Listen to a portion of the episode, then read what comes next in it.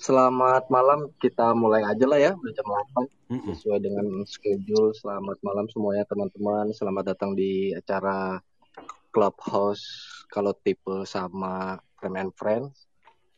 Hari Halo, ini kita mau jawab jawabin pertanyaan-pertanyaan seputar analog yang kemarin udah sempet dilempar juga dari Friend and Friend, dari kalau tipe gitu. Kalau ada yang mau nanya mau nanya lagi juga boleh. Ada yang mau bantuin jawab juga boleh ya. ngasih pendapat ya. juga boleh. Ber, beropini pun boleh. Kan emang uh, formatnya ngobrol santai aja. Paling nanti raise hand ya iya, biar betul. ini. Oke uh, pertanyaan pertama. Halo Mas Olaf welcome. Waduh. Pertanyaan pertama ya. Uh, uh, share do's and don'ts bagi pemula yang baru main analog dong, Min. Ya, silakan. Wah. Mas, Tor Mas Toro? Hah? Om Baim? Oh. Uh, Oke, okay, gue coba jawab. Uh, share do and don'ts analog apa ya? Uh, kalau gue sih lebih ke ininya aja ya, maksudnya uh, dunya itu lebih ke pengenalan aja, jadi lebih banyak uh, uh, referensi bacaan gitu mengenai film yang akan dipakai, terus apa uh, uh, karakternya uh, seperti apa dan kayak gimana kayak gimana. Donsnya itu ya kalau menurut gue sih ya jangan nyerah, apalagi ya. Uh, Ya sebetulnya kan analog sama analog kan basic fotografinya sama ya kayak kayak digital gitu. Uh, ada uh, triangle exposure-nya itu yang uh, banyak yang bilang kalau kalau apa namanya uh, di film di analog itu lebih lebih ketat gitu. Tapi sebetulnya uh, enggak juga. Bahkan di di film actual uh, ISO-nya itu kadang uh, itu kayak seperti uh, eks, secara eksplisit memang tidak dikatakan oleh produsen-produsen film. Jadi let's say misalnya uh, produk eh, apa uh, misalnya asalnya 200 tapi sebetulnya kalau kita baca di uh, di apa namanya di uh, safety data sheet-nya itu mungkin uh, sebetulnya dia uh, bisa lebih dari asa 200 atau bahkan kurang dari asa 200. Nah, itunya sih yang apa dunya yang uh, sebaiknya kita pahamin dulu film yang akan kita pakai itu apa. Uh, uh, terus uh, sama uh, sama itulah basic basic fotografinya pahamin uh, triangle exposure itu ada ISO, uh, diafragma sama shutter speed gitu. Dons-nya itu kalau menurut gue sih ya kalau lo punya kesempatan kalau lo punya kesempatan ya gunakan itu jangan cepat menyerah, jangan cepat menggerutu, jangan cepat menyimpulkan sesuatu gitu. Jadi uh, apa ya? Kalau gue sih lebih sukanya uh, main analog itu uh, temuin dulu motivasinya terus uh, berlanjut ke kesenangannya uh, baru lo bisa explore lebih kayak gitu. Kalau gue sih ya gitu. oke Om Baim Dion mau nambahin? Mau nambahin aja paling ya Om Edi. Kalau mungkin donsnya lebih ke uh, jangan tidak jangan terlalu cuek gitu sama medianya. Kan kadang ada tuh yang kayak mungkin setelah motret dia nggak tahu uh, apa namanya bingung soalnya nyucinya di mana langsung buka aja. Itu jelasnya jangan itu kan sering awal-awal mungkin main kan langsung buka aja nih pengen lihat. Nah itu kan cuci dulu. Terus kayak penyimpanan uh, roll film misalkan jangan ditaruh langsung ke panas matahari terik. Terus penyimpanan kelise juga itu kan masternya. Kalau bisa tetap diminta gitu. Jangan ninggal-ninggal atau nggak diambil. Itu aja sih donsnya sih. Nambahin aja dari Om Toro tadi kalau mahal bet gimana? Baru datang langsung ditanya. Apa-apa nih gue? Langsung todong aja. Nggak ngerti gua pertanyaan apa ya nggak denger. Do's and don'ts analog fotografi. Singkat aja om. Pertanyaannya ada 325 soalnya. Waduh, sadis. Cuman satu aja sih itu don. don duit. Saya ikut-ikut lah. Oke, sudah sampai di sini. Makasih semuanya. Cukup selesai ya. Wassalam.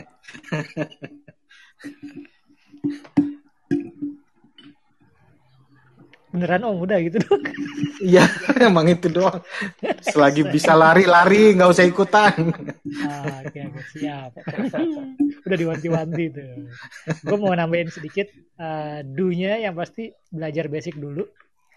Basic, bener-bener basic karena uh, gue punya prinsip aturan itu dibikin untuk dilanggar dan kalau kalau lo ngikutin aturan bakal biasa-biasa aja hasil fotonya. Tapi awalnya memang harus dimulai dengan ngikutin aturan dulu, tahu paham aturannya supaya tahu mana yang harus dilanggar. Itu sih dons-nya. Dons-nya. Ini masih berkaitan dengan obrolan sebelumnya. Uh, ya Mas Olaf ya, kalau bisa jangan pakai film Ramjet buat awal, pakai film C41 yang fresh aja deh, udah itu udah paling bener. Betul. Apaan lu ya betul-betul aja. Tapi Remjet adalah cinta, Om. Iya. Murah. Next question atau masih ada yang mau nambahin teman-teman? Kalau mau ada yang nambahin do's and don'ts-nya? Gak ada. Gak ada ya. Oke, pertanyaan berikutnya masih berhubungan nih.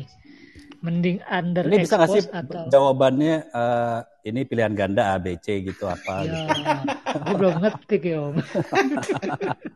B, B, gua B. Oke oke. Lanjut Oke, lanjut. mending underexpose atau overexpose? Silakan. Gue deh. Se sepengalaman gue sih mending overexpose. Tapi overexpose-nya pun jangan jangan terlalu banyak. Eh tergantung tergantung filmnya sih. Kalau kalau terlalu banyak nanti jadi kurang baik juga gitu. Kalau gue pribadi. Ah, mungkin Om Toro, Om Baim. Oke, gue coba nambahin. Eh, mending underexpose atau overexpose. Nah itu dia tadi apa kalau gue sih ya lebih lebih ke uh, finding your character gitu. Jadi lo lebih suka yang kayak gimana? Karena uh, sepengalaman gue tuh uh, apalagi setelah sekian lama main analog, terus akhirnya gue banyak ngobrol gitu kan, terutama sama partner gue uh, Halbert itu kan uh, gue jadi tahu zone sistem tadinya gue cuma tahu uh, apa namanya uh, gray balance gitu. Nah jadi uh, sebetulnya uh, under expose sama over expose itu juga apa uh, dengan on purpose gitu dengan tujuan tertentu gitu. Nah kalau gue biasanya kalau di BW itu biasanya gue lebih suka overexpose. Biasanya filmnya gue pull apakah itu fresh apakah itu apakah itu expired dan segala macam gitu gue pernah pakai film uh, asa 400 uh, gue biasanya pull sampai asa 100 atau 200 nah tapi ketika pada saat proses biasanya uh, gue proses dengan uh, jadi yang gue develop adalah uh, highlights-nya gitu. Jadi gue tahu apa yang akan gue mau lakukan gitu. Kenapa gue memilih overexpose atau underexpose gitu sih kalau gue. Kalau di color sih biasanya gue lebih mending uh, overexpose sepertiga sampai setengah stop aja gitu. Gitu sih dari gue. Bagus suara mic baru pak. Iya, Salah kirim ke Bandung, suwe. Ke Bandung? Oh, tuh udah bener tuh. Lanjut om. Oke oke lanjut lanjut. Itu apa Kalau gue gitu. Under Mending underexpose underexpose atau overexpose? overexpose. Kalau gue sih, kalau gue pribadi ya, kita harusnya cari tahu dulu korek exposure-nya, belajar dulu sih. Nanti baru kalau mau under, mau mau under atau over itu selera kan emang balik lagi ada yang senengnya under pengennya gelap-gelap gitu. Misalkan ada yang senengnya over pengennya terang-terang. Kalau di color pengennya kayak pastel-pastel. Itu kan selera. Cuma balik lagi sih baiknya ketahui dulu uh, korek exposure-nya seperti apa sih gitu. Itu dulu sih kalau gue ya biasanya. Tapi kalau gue pribadi untuk BW lebih seneng overexpose memang kalau gue pribadi. Itu aja sih kalau dari gue pribadi ya Mantap. Oke, okay, thank you, thank you, Im. Um, Albert nih. Ada yang mau ditambahin? Lagi puasa ini diem aja dari tadi. gue udah ngobrol ya. Oh, iya, itu, iya. Ya, gue sama lah sama Toro kayak gitu. Maksud gue jadi gue kalau warna apalagi gue jarang terus ya kayak gitu aja jadi motret warna kayaknya over banyak kan karena uh, kalau kalau kalau buat film expired ya jadi di pool. Kalau film fresh gue nggak pernah. Gue pakai suit di di asa yang sesuai box saja terus gue nggak terlalu detail soal gitu kan. Soal apa soal kualitas itunya. Sama kalau warna gue serahin ke cucian warna aja gitu. Kalau BW sih biasanya. Tapi kan sama kayak Toro tadi bilang gue lebih bukan mikirin over apa undernya gue motret ya motret mot, motret ya nyari shadow shadownya dulu gue pentingin gitu. Terus uh, developnya baru mikirin uh, highlightnya. Jadi nggak mana ya gue nggak nggak over nggak under juga. Dia motret motret aja gitu tapi nentuin di mana di mana shadownya gitu. Kayak sama lah kayak Toro cuman gue neranginnya susah nah, kalau begitu pertanyaan selanjutnya aja nih. Asal jangan terlalu ya. overconfidence. Asik tuh. Asik. Oke. Ah, itu dia tuh. Ada yang mau nambahin nggak? Under atau over? itu biasanya bakalan bikin ini kecewa kalau overconfidence. Iya. ya itu dia. Asa 200 Makanya... di pos 3200 gitu ya Om ya. Gokil. Iya iya iya iya. Ada tuh orangnya parah itu parah siapa parah itu Edi Edi parah Edi parah gue langsung sebut orangnya aja deh jadi berapa frame om gue kayak gitu cuma lima deh bilangnya jadi kayak kertas mika kayak plastik mika Oke, pertanyaan berikutnya. Oh, berarti sekarang Om Halbert duluan nih yang jawab. Iya. Yeah. Jelasin jelasin zone system Baterai gue udah mau habis nih, gue duluan ya. paham, paham, paham, paham. Jelasin zone system dong. Waduh, apalagi itu. Ampun dah. Berat. Ya, jangan pura-pura lo, Pak. Jangan pura-pura lo. Lo tempel kan itu di ini. Lo mau bikin kaos kan tuh. Tulisannya zone system. Uh, zone system is dead gitu.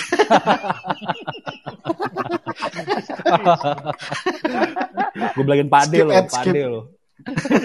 skip ad nggak ngerti gue asli. Itu berat ya nggak tahu. Versi ininya aja om versi apa ya singkatnya aja. Ah, ya, soalnya kalau uh, welcome dulu nih Mbak Tesi, Mas Rahmat, Mas Nah, Zida. itu apalagi ada Mbak Tesi. Lanjut om. Ya, kalau zone system sih gue secara itunya kan mereka kan lebih lebih konsentrasi kalau kata Om Har tuh nyuci itu cuma masalah mekanik. Tapi kalau yang intinya sih di dicetak kan. Nah, zone system gue aja nyetak belum pernah, men. Jadi kalau gue ngomong zone system kayaknya nggak pas deh. Nyetak gol kan pernah lupa. Lu main bola kan? Nyetak gol pernah gue. Bunuh diri tapi gue jadi kiper waktu itu.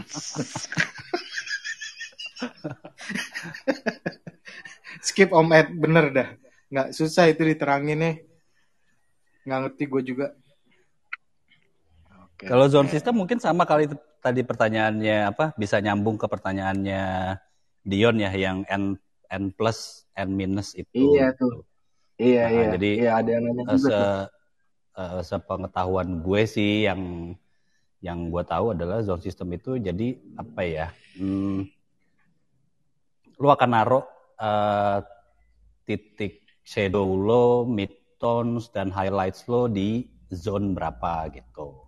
Lalu itu berkaitan nanti ketika terutama ini BW ya gitu yang setahu gue yang gue pahamin soal BW. Jadi nah ketika lo mau pada saat nyuci jadi lo tahu lo akan N plus atau netral atau malah lo bikin minus karena nah pengalaman gue juga sih gitu. Jadi uh, uh, apa ya ketika lo motret ketika lo motret dengan uh, keadaan tertentu, misalnya backlight aja.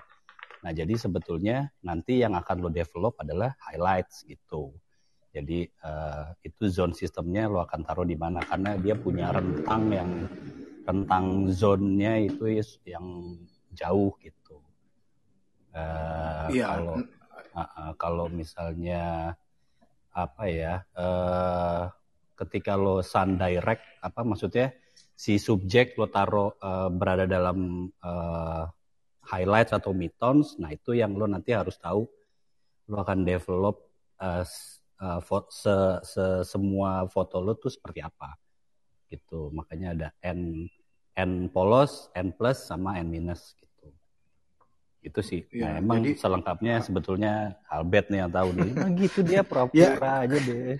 Gue neranginnya susah aja dari awal itu kan berat. Pakai papan tulis, jadi pakai papan tulis, papan tulis. itu dia kalau ada papan tulis enak nih, gue tulis aja langsung nggak bisa. Gitu. kan bodoh amat. Kan gitu. bodoh amat.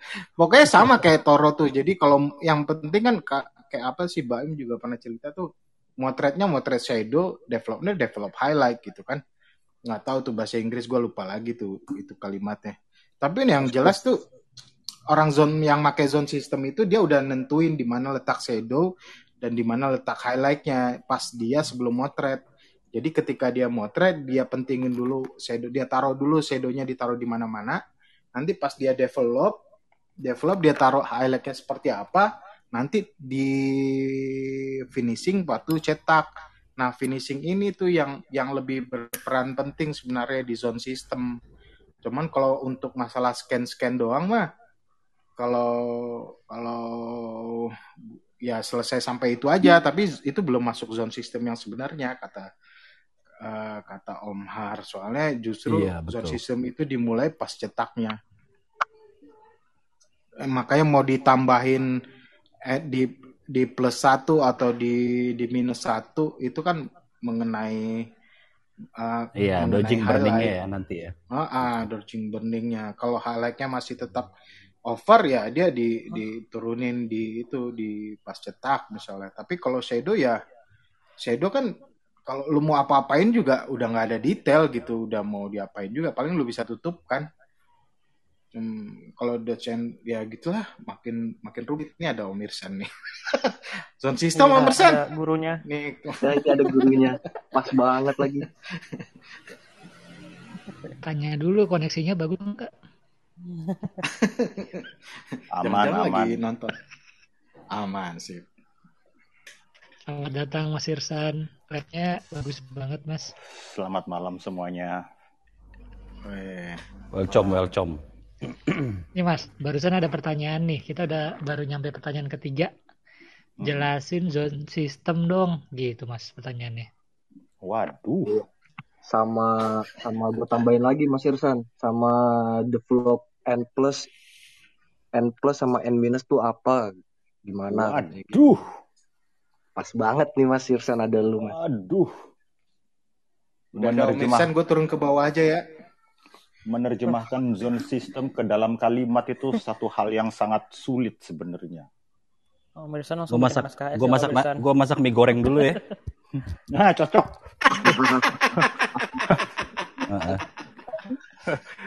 Bilang sama Ina dua mie, mie, mie gorengnya Mas Toro. Inanya udah pulang, jadi gue yang masak, jadi lo terima apa adanya.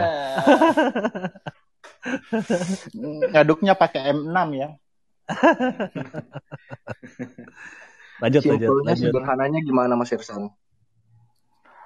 Uh, seperti salah satu apa ya kalau aku bilang seperti salah satu yang barusan ini Om Har nulis di statusnya dia bahwasanya zone system itu salah satu apa ya semacam pengaplikasian untuk kalibrasi cara motret kita let's say misalnya hmm. kita melihat sebuah scene ya, anggap gun bayangkan dulu gini.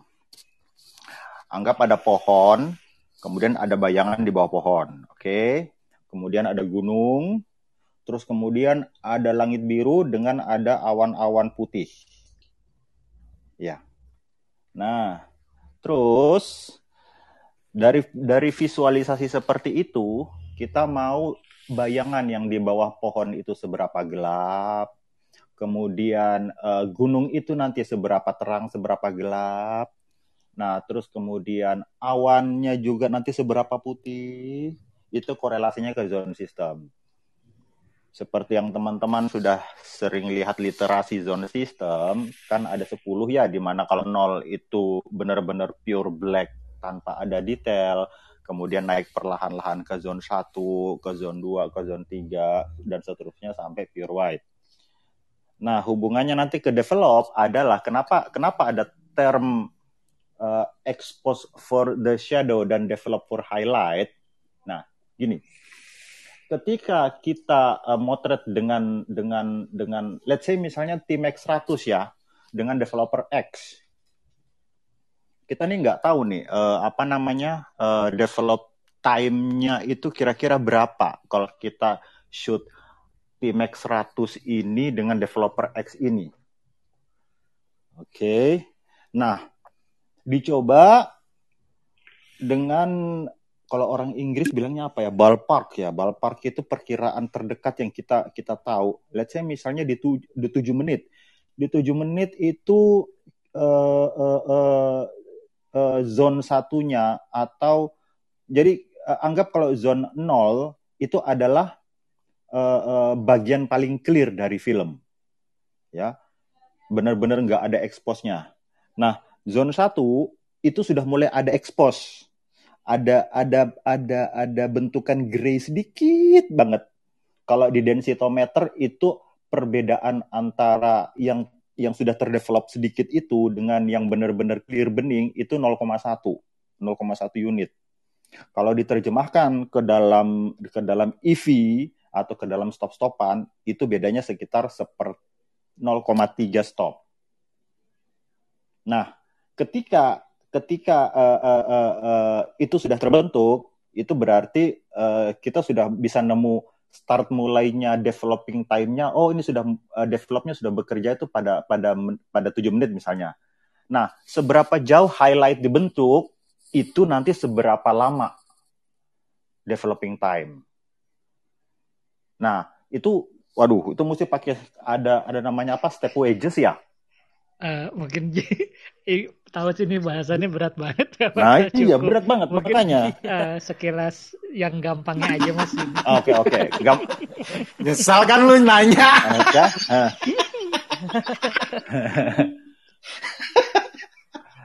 Pada pada pada intinya pada intinya pada intinya gini secara secara umum pada intinya zone system itu uh, membantu uh, membantu kita untuk untuk untuk menentukan seberapa seberapa gelap dan seberapa terang dan seberapa terang uh, uh, objek yang kita mau foto, objek yang akan kita foto, yang nanti akan ber, ber apa yang namanya berkorelasi berhubungan erat dengan ketika kita mulai exposure, kemudian develop dan print. Itu nggak bisa nggak bisa di nggak bisa disendiriin sendiriin itu. Nggak bisa itu, itu ya? nggak bisa. Mulai dari mulai dari milih milih film kemudian menentukan film ini kira-kira efektif speednya di mana. Kan kadang-kadang kalau efektif speednya uh, sudah turun karena karena penyimpanan atau karena expire nanti kita kan kita kan harus cari itu. Nah itu itu itu berurutan terus. Kemudian dari situ kemudian baru kita lihat uh, uh, apa namanya uh, uh, sin scenerinya seperti apa itu kemudian setelah itu nanti developnya seberapa seberapa seberapa seberapa lama. Kemudian nanti ketika sudah di wet print kita mau pakai filter yang bagaimana. Uh, itu satu geng semua itu. Tapi kalau kalau kalau kalau ya kalau yang aku lihat sejauh ini hampir 80 90% teman-teman pemakai analog kan masih masih uh, apa namanya? Uh, mempergunakan hybrid proses ya. Jadi hmm. mungkin agak sedikit ya you know uh, agak sedikit berkompromi lah dengan hal itu artinya uh, uh, penting sih penting tetapi for a while kalau kalau misalnya kalau misalnya uh, uh, dengan mencoba mempelajari atau mengetahui ya zone system terus kemudian mengurangi having fun ya pelan-pelan aja pelajarinya jangan jangan jangan jangan kenceng-kenceng pelan-pelan uh, insya Allah nanti ketemu kok iya, iya ketemu racunnya sendiri ya mas mm -mm. Oke. Okay. Ya, ya, ya. Pertanyaan berikutnya. Siap, siap, Lanjut siap, ya. Thank you, thank you Mas Irsan. Sebenarnya masih berhubungan nih. Iya Makanya dong. sengaja gue tanyain duluan zone system. Biar warna film pas tuh okay. gimana sih? Ya kak, suka gelap nanti keterangan gitu. Nah, aku juga bingung nih. Suka gelap tapi nanti keterangan. Banyak faktor uh -uh. kan ya kalau kayak gitu. Harusnya yang punya lab ini yang yang yang bisa menjawab hal ini nih, Mas Toro sama Mas Albert nih. Korelasinya ya, warna apa? Warna apa BW sih? Warna. Biar warna film pas tuh gimana ya kak? Suka gelap nanti keterangan. Di clear, clear, gelap. di clear. Pakai krayon. Nah. Ini maksudnya apa ya? Suka gelap nanti keterangan itu apa? Ya. Kemungkinan gini Mas Albert, dia pengennya gelap, tapi nanti jadinya terlalu terang. Ah, iya iya. Kemungkinan iya. seperti itu kalau itu kalau aku exposure atau warna? bisa bisa mungkin bisa eksposurnya dia entah LM-nya yang ngaco hmm. atau selera operatornya ketika ketika ketika scanning yang dia maunya let's say misalnya gelapnya tuh 40%, ternyata kan menurut operator kurang asik kalau 40%, jadinya 70%. Mungkin loh ya. Hmm. Uh, gini ya, gini gue komen-komen yang umum aja kejadiannya. Jadi kadang-kadang orang itu mau trade suka belang-belang tuh ada yang gelap ada yang terang ada yang gelap ada yang terang terus uh, ada yang normal gitu kita nyuci warna itu kan semua by default lewat mesin gitu kan nah orang yang motret uh, kadang kualitas cahayanya itu nggak sama dia motret ha bisa hari ini besok satu roll itu nggak habis dalam waktu satu waktu dia motret kadang-kadang besoknya atau dalam waktu dia motret sekali hunting aja bisa gelap, bisa terang, bisa di outdoor, bisa indoor dan segala macam kan. Tapi yang sering problem adalah waktu dia motret under. Nah, itu yang terlalu sering kelihatan, exposure-nya kan tricky tuh. Terus kadang mereka emang mau motret gelap, emang mau motret under exposure. Jadi jadi mereka memang mau mot motret gelap, tapi exposure-nya sendiri udah tricky. Kamera light meter udah salah hitung. Ketika light meter mikir ini terlalu gelap, gue terangin lah pakai auto kan. Akhirnya kan uh, udah udah udah dia maksain yang gelap jadi terang gitu dan segala macam lah. Tapi ada yang juga benar-benar under hasilnya. Nah, ketika itu under hasilnya sama scanner, scanner mikirnya ya tetap uh, sama kayak kamera gitu. Dia nyari middle grade. Ketika lu hasil lu under, scanner bakal bilang, oh foto lu gelap, gue terangin ya. Makanya ketika dia foto under, kenapa jadi abu-abu gitu? Abu-abu kok uh, ini fotonya seharusnya gelap, kenapa jadi terang gitu? Atau jadi kok jadi butek, kok jadi under apa kayak kayak too much middle gray gitu. Mungkin mungkin nggak ada yang ngerti apa yang gue omongin. Tapi ya segitu lah kira-kira apa kita coba mengerti kok.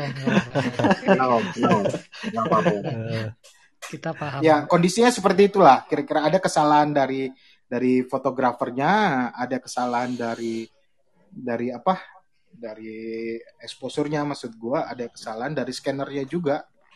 Uh, kesalahan dari scanner kita sih mau kalau scannya uh, kalau kita benar-benar sesuaiin dengan kondisi dia motret itu hasilnya bakal gelap banget dan orang bakal protes lo kok nggak ada apa-apa? gitu. Tapi kalau kita defaultkan autonya Noritsu sendiri ya itu kondisinya kayak kayak kayak abu-abu terang gitu padahal tipis. itu malam tipis-tipis tipis gitu filmnya ah, tipis-tipis gitu hmm. filmnya Nah, jadi kalau gue tambahin dari pengalaman lab ya, nah, jadi sebetulnya itu kan kalau proses warna itu ketika uh, sebetulnya memang benar apa uh, yang Halbert bilang gitu. Jadi sebetulnya kuncinya semua ada di fotografer gitu. Nah sebetulnya kan prosesnya itu ketika si uh, bleach, jadi proses kedua setelah developer itu itu yang mengisi warna-warna color dice. Dia yang membangun color dice-nya itu gitu. Nah jadi ketika exposure exposure lo udah udah ngaco nanti si warna itu yang akan diisi oleh si bleach itu yang akan uh, berpengaruh sama intensitas cahaya gitu kalau gue bilang jadi uh, apa ya ya makanya kan ketika uh, teman-teman di Instagram eh, apa teman-teman fotografer lain uh, ketika uh, kemunculan era analog lagi ini sekarang kan maksud gue uh, kita informasinya juga uh, nggak penuh nih gitu. Jadi sebetulnya bagaimana sih cara bekerja sebuah kamera analog?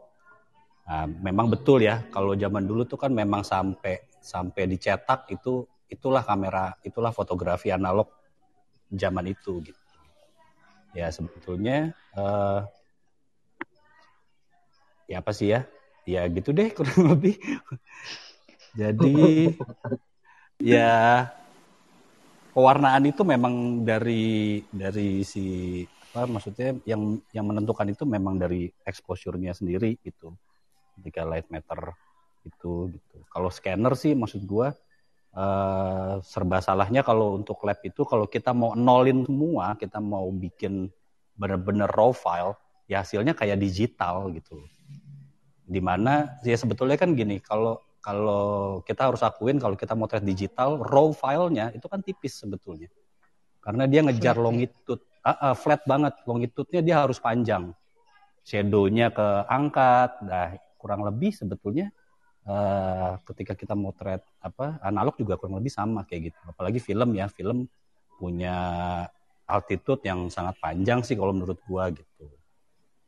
Jadi ya kalau kita mau nolin ya hasilnya pasti akan lebih mengecewakan gitu. Kok begini sih? Ngedul semua. Apa eh, nggak uh, ada yang pop up warnanya nggak ada yang semuanya flat flat aja belum ditambah grainy-nya gitu dan segala macam. Ya kalau gue sih nambahinnya gitu kalau kalau kalau nyambung dengan pertanyaan yang kemarin tuh uh, kualitas foto apa yang ngaruhin kualitas warna yang ngaruhin itu beda lagi. Kayak kan ini tadi ngomongin gelap terangnya jomplang gitu kan atau kan apa.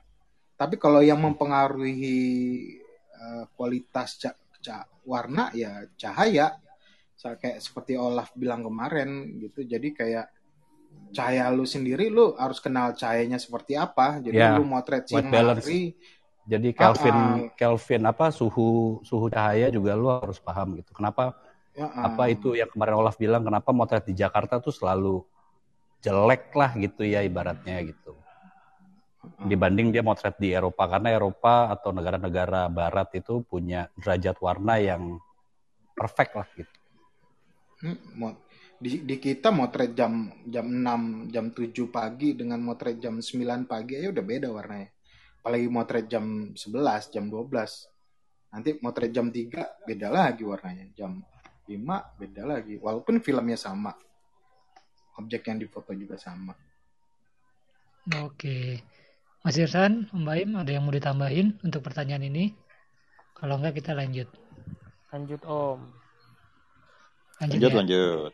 Oke nah ini giliran gue nih yang jawab ah mau nanya kalau sudah sampai 36 jepretan terus nggak dicuci itu nggak apa-apa atau atau gimana kak gue jawab ya Sebenarnya lu curang. lo jawab habis lo lo jawab habis itu langsung lo tutup. Oh. Kelar udah. Enggak apa-apa sebenarnya, tapi juga jangan terlalu lama. Uh, mungkin setelah beberapa waktu langsung kirim filmnya ke mana? Ke Kalau Tipe Kalau Tipe jualan, jualan, jualan. Manis ya, manis ya.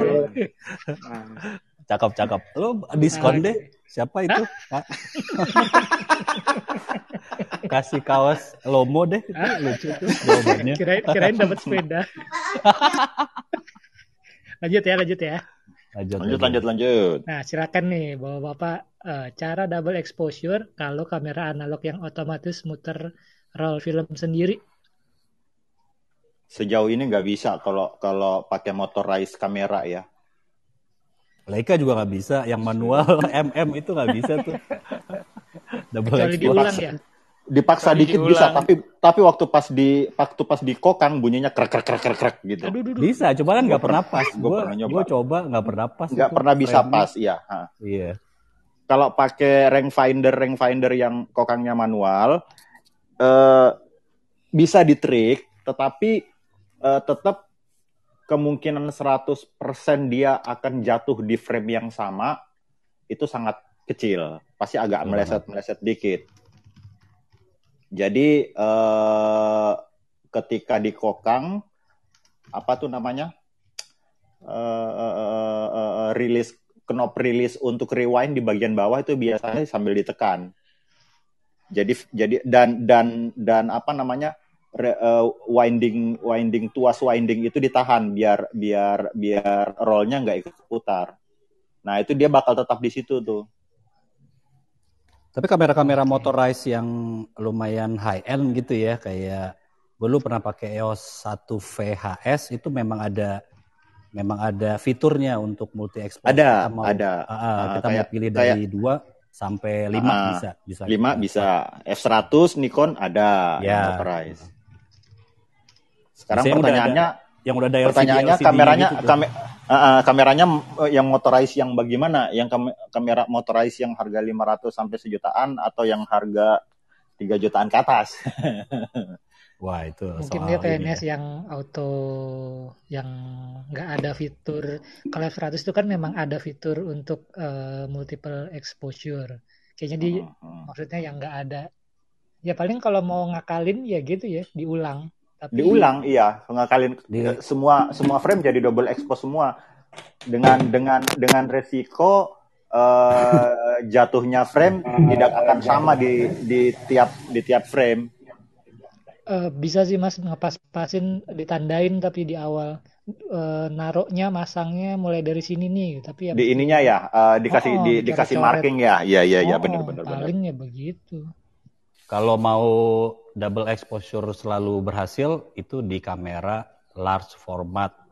Jangan di kokang, jangan dibalik sama medium format yang itu. racun ini. racun medis bar.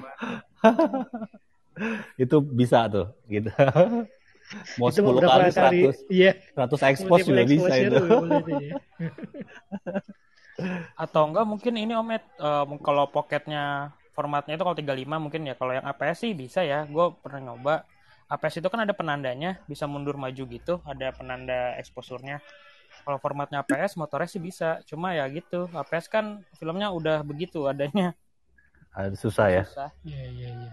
Iya ada susah. Dan gue nyoba juga nyuci nggak ada yang jadi kan emang filmnya juga udah zaman kapan kan. Iya iya. Iya Iya iya iya. Oke lanjut, lanjut ya. Moderator. Oke kalau semisal kita pakai roll ramjet dan nggak sengaja kita cuci pakai C41 apa yang terjadi? Begitu juga sebaliknya. Viral lah ini mah. Silakan. Apa viral?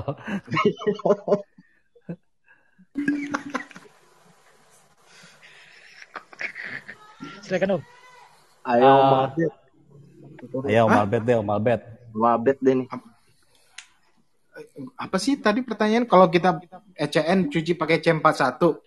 Ah, iya, iya. kan udah pernah lo jawab tuh di di di forum pernah lo jawab kan siapa waktu itu yang nanya. Uh, iya, itu kan cross proses jadinya. Jadi uh, cross proses ya hasilnya ya jadinya ya punya karakteristik sendiri gitu. Jadi kalau biasanya sih kalau kalau ECN dua Kodak Vision yang gue tahu yang paling sering gue ituin. Kalau dicuci C41 itu hasilnya jadi shifting color yang jelas pertama. Shiftingnya agak-agak ke bluish. Terus kalau orang ngelihatnya kok jadi hijau gitu. Terus efek lainnya dia satu saturasi warnanya lebih tinggi sama kontras sama sama negatifnya negatif neg, di negatifnya kelihatan kalau density-nya lebih tebal daripada dicuci dengan ECN biasa. Kalau film C41 dicuci ECN 2 gue belum pernah kalau kalau gue. Gue sih belum pernah nyobain. Irsan kayaknya pernah tuh. Pastilah Om Irsan apa yang belum pernah kayaknya. Cuci pakai ya, rinso ya pernah dia. Kalau C41 dicuci pakai ECN hasilnya sesuai dengan karakteristiknya ECN. Uh, eh, di di apa namanya di klisenya itu uh, uh, lebih low kontras dan seperti yang tadi Mas Albert bilang sama sebaliknya uh, saturasinya juga lebih turun dan warnanya juga uh, agak ada melenceng. Cuma, cuma aku terus terang nggak tahu seberapa jauh dia melenceng. Sebab scanner yang gua punya semuanya selalu cenderung untuk membenarkan lagi warna-warna melenceng itu alias auto white balance. Nah, di sini nggak bisa nggak bisa nggak bisa copy paste link ya yang gue pernah baca itu masih gue simpan itunya. Jadi ada yang yang yang mencoba untuk cross proses seperti itu. Hmm. Gitu kira-kira. Kalau gue nambahin, gue juga pernah sih. Maksudnya pakai uh, apa namanya uh, Kodak Vision dicuci pakai uh, C41, R4 sama ECN 2-nya gitu ya. ya kalau dari pengalaman juga ya apa ya maksudnya ya kadang kita uh, keberuntungan juga sih yang akan ini gitu Nah kalau gue kan sebetulnya lebih suka warna-warna yang natural, artinya kalau filmnya apa memang uh, hasilnya apa gitu. Nah yang waktu itu yang gue takjub pernah uh, sesekali gue coba Kodak Vision pakai C41 dan hasilnya uh, nggak hampir apa uh, hampir mirip dengan uh, R4 gitu. Jadi ya menurut gue keberuntungan juga sih main analog itu ya gitu kadang eksperimennya uh, ya itulah ibaratnya eksplornya juga uh, kalau lo udah mulai terjebak lebih dalam menyemplung lebih dalam gitu nanti lo akan temukan jawaban-jawaban itu dari dari eksperimen-eksperimen lo sendiri gitu. Tapi yang pasti ketika cross proses itu gambar akan tetap ada gitu. Kecuali misalnya ya emang lu nggak motret apa-apa tapi lu udah udah lu cuci cross proses ya itu juga nggak bakalan ada gambar gitu. Tapi hasilnya apa gambar akan tetap keluar tapi ya itu tadi kata Halbert uh, warna pasti shifting dan kualitas juga pasti akan akan akan beda beda. Oke. Uh, Mas Olaf mungkin mau naik sebentar. Oke, tadi gue lihat baru share hasil cuci warna Iya. Di scan positif sama Mas Olaf. Di scan coba, positif. Coba. Iya. Coba coba kita invite. Menarik nih, menarik. Ha nah. Halo. Halo. Mas. halo semua, selamat malam. Sungguh dewa-dewa di sini ya. Ntar gue nambahin dikit. Kalau yang buat buat yang nanya, kalau kalau mau cek komparis comparisonnya, masuk ke Google, search aja DIY Color Dev Comparison. Itu nanti ada itu. Oke, okay, DIY Fotonya color dev comparison. DIY okay. color dev comparison itu nanti ada itunya tuh uh, uh, perbandingannya. Oke. Okay. Masalah mau nambahin jawaban? Jawaban apa tadi nih? cross proses nah, Mas, cross proses ECN Waduh. ke C41 dan C41 ke ke ECN. Jujur nih, jujur gue ini bukan kemis ya, jadi gue nggak nggak seahli-ahli pada mas-mas yang ada om-om yang di sini semua nih, emang sukanya meracik, mencoba mencoba sana, mencoba sini. Cuma kalau dari membaca informasi gitu kan emang ya balik tadi emang ECN itu kan eh, film vision itu kan emang motion picture film ya emang latitude lebih tinggi daripada consumer good film makanya kenapa dicuci ECN kan juga supaya ya tadi bilang apa low kontras sebenarnya melinear yeah. lah gitu kan ya kan semuanya dapat gitu Pure linear, udah, udah udah udah nggak maksudnya dia nggak ada curve kan dia benar-benar flat linear gitu mm -hmm. si vision jadi nanti pas lagi degrading ya itu gampang lah mau di grading up atau grading down gitu kan. Nah kalau grading up grading down itu ya istilah dari terang pun bisa dibuat jadi gelap gitu. Or dari dari yang udah terang ya tinggal diterangin lagi. Biasanya gitu. Jadi dia dicari ya linear lah ya. Itu dan kalau yang udah-udah dicuci sama C41 ya film itu ya tadi bilang ya bener lah. Apa jadi kontrasnya jadi jadi naik kan. Warnanya juga mungkin lebih saturasi. Tuh. Terus apa ya kalau ya sekarang sih yang gue bisa komen cuma masalah proses hybrid itu aja sih. Gimana gue scan uh, linear dari positif gitu raw. Terus kemudian ya gue convert pas gue convert tuh emang emang harus di adjust adjust lagi. Jadi gue nggak pernah pakai oh ya kadang-kadang starting pointnya kalau pakai LLP itu ada auto white balance gitu kan buat dia ngebaca software. Tapi begitu di auto white balance sama lah semua yang di auto pasti yang menurut dia graynya di mana ya menurut sistem. Cuma kadang-kadang menurut mata or enaknya main analog lagi kan kayak mencoba-mencoba nginget lagi loh gitu kayak kayaknya warnanya aslinya nggak kayak gini nih gitu. Kok kan mesti nginget-nginget lagi jadi ya gue gue gue cari lagi di mana titik temu warnanya hampir menyerupai waktu kondisi sebenarnya gitu. Begitu okay. sih. Sorry mas jadi scannya masih dalam bentuk positif. Yes. jadi baru lu invert di di software. LNP iya NLP itu kan sebenarnya jadi ketika ketika scan scan pakai pakai V600, V700, V850 scannya masih dalam bentuk raw file, bentuk bentuknya positif, seperti kemudian ya, slide film negatif ah, itu. Ah. Ah, ya. Kalau nggak salah DNG yang uh, uh, ya, DNG. Uh, ya pilih-pilih tuh kalau di itunya HD uh, ya di NG lah raw ada kan, centangannya terus ada berapa bit itu kan biasanya kan dia pilih yang paling tinggi. Jujur sih itu ngabisin Baru, habis tuh ya betul. Satu satu frame itu biasanya kalau 300 DPI itu 300-an ya 70 benar ya, ya 70 70 ya. mega lah. 100-an deh. Nah, benar. 70 mega ya tapi gue baca-baca di NG sama RAW aja beda loh. Itu dia beda, di beda. Kan dia digital Beda. negatif tuh. Iya, soalnya raw itu sebenarnya bahasa digital ya. Iya. raw itu apa ya? Iya, itu kan codingan ya sebetulnya. Coding ya. digital. Jadi uh, setiap digital. setiap nah, brand kalau, digital punya coding sendiri-sendiri tuh raw-nya. Kan? Iya, tapi kalau DNG itu memang udah bentuknya image sebetulnya, cuman iya. digital. Ya gimana lah itulah pokoknya. Ya gitulah saya juga kurang ngerti. Wah, seru seru. Tuh gitu. Ada lagi yang mau nambahin? Mengenai cross process? Atau ada yang mau ditanya? Teman-teman kalau ada yang mau nanya langsung angkat tangan aja. Zidan tadi ya? Zidan tadi itu nggak sih?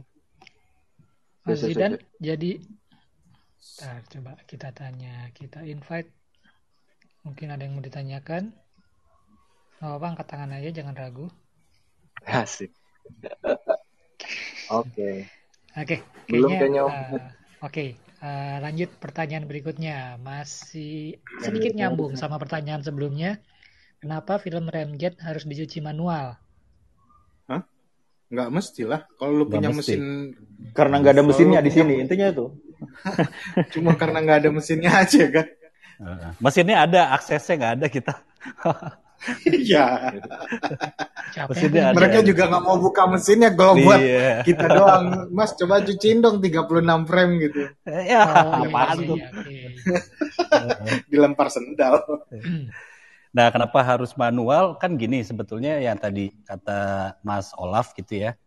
Sebetulnya film Remjet itu diperuntukkan itu memang untuk sinema, pekerjaan uh, bikin film layar lebar gitu, iklan yang super HD. Nah itu pakainya film-film uh, remjet kalau di tahun-tahun itu gitu. Nah biasanya kenapa dia jualnya apa dalam bentuk bulk itu karena peruntukannya untuk uh, kamera film yang rolling terus itu berapa frame per second itu bisa untuk satu gerakan tangan aja atau gerakan untuk satu scene aja itu bisa uh, bisa berapa frame gitu ya. Nah, ketika di ketika film Remjat menjadi alternatif film untuk still fotografi, nah itu yang uh, apa akhirnya uh, uh, kita akhirnya juga dari dari cara memperlakukan apa dari ya itu tadi akhirnya dipotong-potong menjadi 36 dan nyucinya juga memang harus ada perlakuan yang sedikit berbeda gitu. Tapi sebetulnya sih flow flow chart prosesnya ya kita sama aja ya. Uh, iya, kita memirip-mirip semirip-miripnya dengan uh, mesin proses gede itu. Gitu. Oh iya, mungkin pertanyaannya, mungkin jawabannya gini. Uh, Oke, okay, kalau nah yang udah-udah kan kalau di lab itu uh, yang disebut mesin itu adalah mesin uh, Noritsu, Frontier dan lain-lain. Nah, Noritsu yang uh, banyak beredar di Indonesia itu itu diperuntukkan memang untuk 135 C41, C41. gitu atau 120 C41. Nah, ketika dimasukin film Ramjet, yang kita khawatirin sebetulnya adalah ketika uh, lapisan karbonnya itu yang yang sangat membandel itu, noda membandel itu yang akhirnya akan menjadi bumerang untuk uh, merusak film-film setelah setelah itunya gitu. Nah, makanya kita biasanya kalau untuk film-film Ramjet based on film Ramjet pun yang sudah dihilangkan Ramjetnya biasanya kita tetap akan bilang kalau ini harus diproses manual gitu. Karena sesempurna sempurnanya manusia menghilangkan remjet pasti ya ada beberapa satu atau dua titik itu yang masih tertinggal. Nah itu yang kita uh, kalau dari sisi lab itu yang kita khawatirin gitu. Karena uh, dampaknya akan ke film selanjutnya juga sama dampaknya ke maintenance kita gitu maintenance si labnya karena setelah itu biasanya uh, mesin-mesin itunya tuh harus dikuras lagi, uh, roller-rollernya itu harus dibersihkan lagi. Takut-takut masih ada lapisan remjet yang uh, menempel atau tersisa gitu. Oke. Ada lagi yang mau nambahin, teman-teman? Ini cuma informasi sedikit aja sih biar kalau misalnya kurang awam itu. Film film motion itu kalau di shoot di kamera itu rata-rata ya mulainya dari 24 frame per second. Jadi 36 itu nggak nyampe satu detik. Lebih lah satu iya. detik lebih lah. Iya satu speed aja cuma 15 menit kok katanya menurut Iya karena frame itu biasanya dia uh, kamera biasanya 24 uh, frame per second sih mulainya rata-rata. Ya? ya FPS iya. Itulah. Jadi 36 oh. ya. Itu kayak baru kelihatan Satu detik aja, gerak udah. Muka gue nggak kelihatan tuh. Oke okay, oke, okay, thank you. Uh, lanjut ya. Pertanyaan berikutnya giliran gue lagi.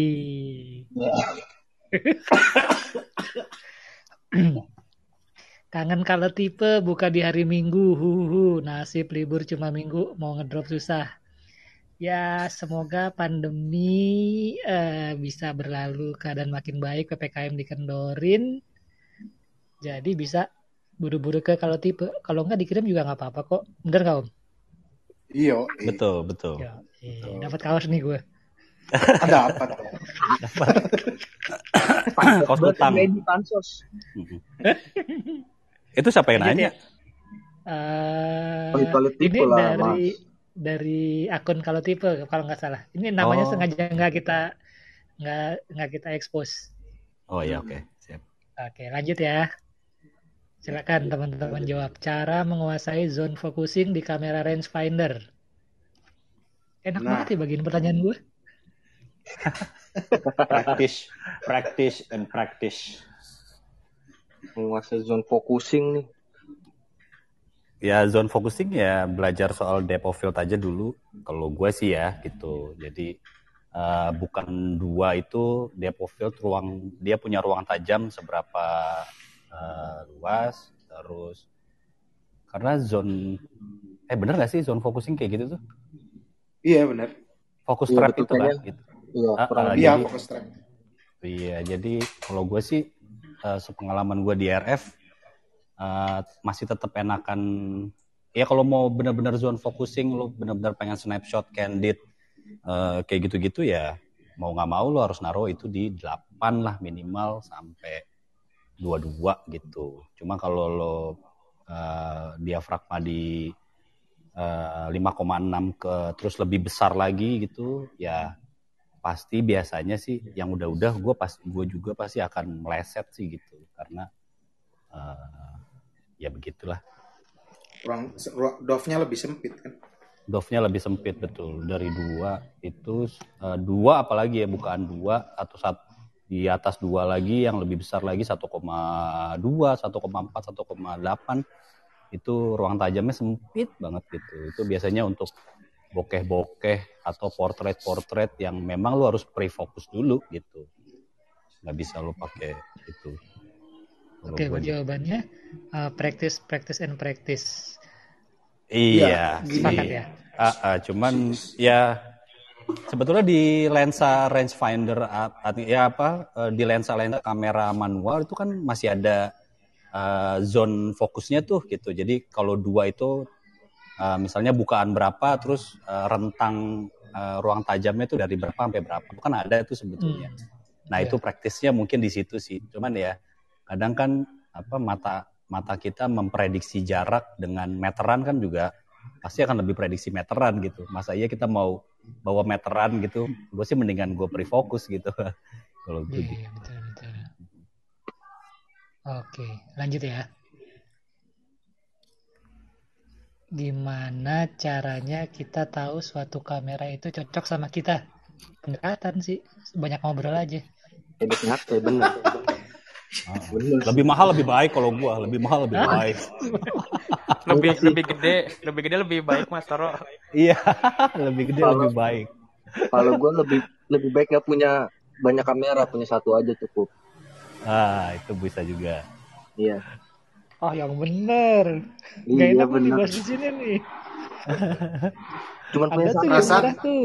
Yun. Perasaan lebih lebih baik nyesal beli daripada nggak beli. Iya, itu racun banget itu. racun banget, racun, racun, racun.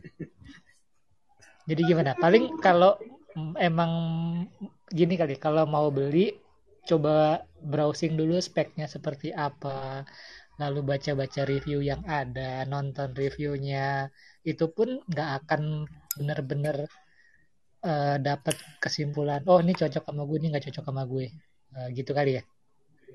Pada iya, intinya karena... memang harus dipakai berulang kali dalam waktu iya, yang nggak sebentar. iyalah gitulah. Nggak bisa sih apa uh, kita milih barang uh, uh, dengan hasil tebakan begitu kan kita harus ngerasain dulu. Harus ininya dulu gitu. oke lanjut ya. Lanjut lanjut. Dong kalau aku pernah pakai roll film terus gagal, kamera masih aman nggak ya? Gagalnya Gantung orangnya sih. Gagalnya Gantung orangnya. Kalau lihat fotonya udah jelek dibanting kamera ya nggak apa, rusak kameranya. Atau gagalnya ya, emang karena kameranya rusak ya ngapain juga. Oke, okay. ya, itu juga. Kalau kamera rusak gimana? Gimana gimana? Ganti kamera. Ganti, Ganti kamera. kamera mau nggak mau. Iya. Makanya paling enak yang frame-nya dikit-dikit cuma large format. Pakai deh large format. Frame-nya cuma satu. Gak ada roll-rollan ya. Terus lu. Ntar tanya nih large format. gigi ya, gigi. gigi banget. Mencari teman, mencari teman. Uh, di kalau tipe ada satu yang dijual sih kalau mau. Asik. Jualan ternyata. Itu tugas gue pak. Tenang tenang nanti di pertanyaan selanjutnya oh, iya, iya, akan iya, ada. iya, iya. pesan sponsor. Pesan sponsor.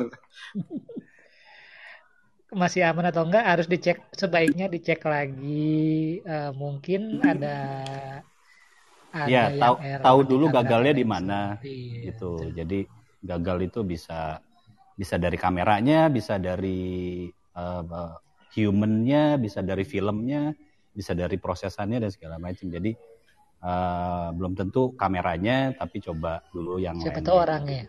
Iya. Oke, jadi. Karena sesungguhnya kegagalan adalah kesuksesan yang tertunda. Asik. Asik. Motivator. Keren keren. Oke. Lanjut. Olympus Zoom 80 saya leak parah bagi tips mengakalinya dong. Nah, alat gue nggak tahu. Satu, deh. satu bawa ke tukang servis. Iya. Kalau kalau enggak kemarin semalam tuh gue baru baru nonton YouTube-nya si Granny Days tuh. Dia dia nyari link-nya dulu di mana, habis itu ditempel sama dia, ditempel apa solatif gitu kayaknya. Nah, kalau Nah, belum dia nyari linknya itu. Iya, itu dia. iya. Tapi Kalau baca, dari baca-baca eh, juga itu sih ya, apa biasanya kan kalau backdoor tuh ada busanya tuh, biasanya tuh busanya udah kering tuh. Busanya Nah, kering ini- atau udah pecah-pecah. Iya betul.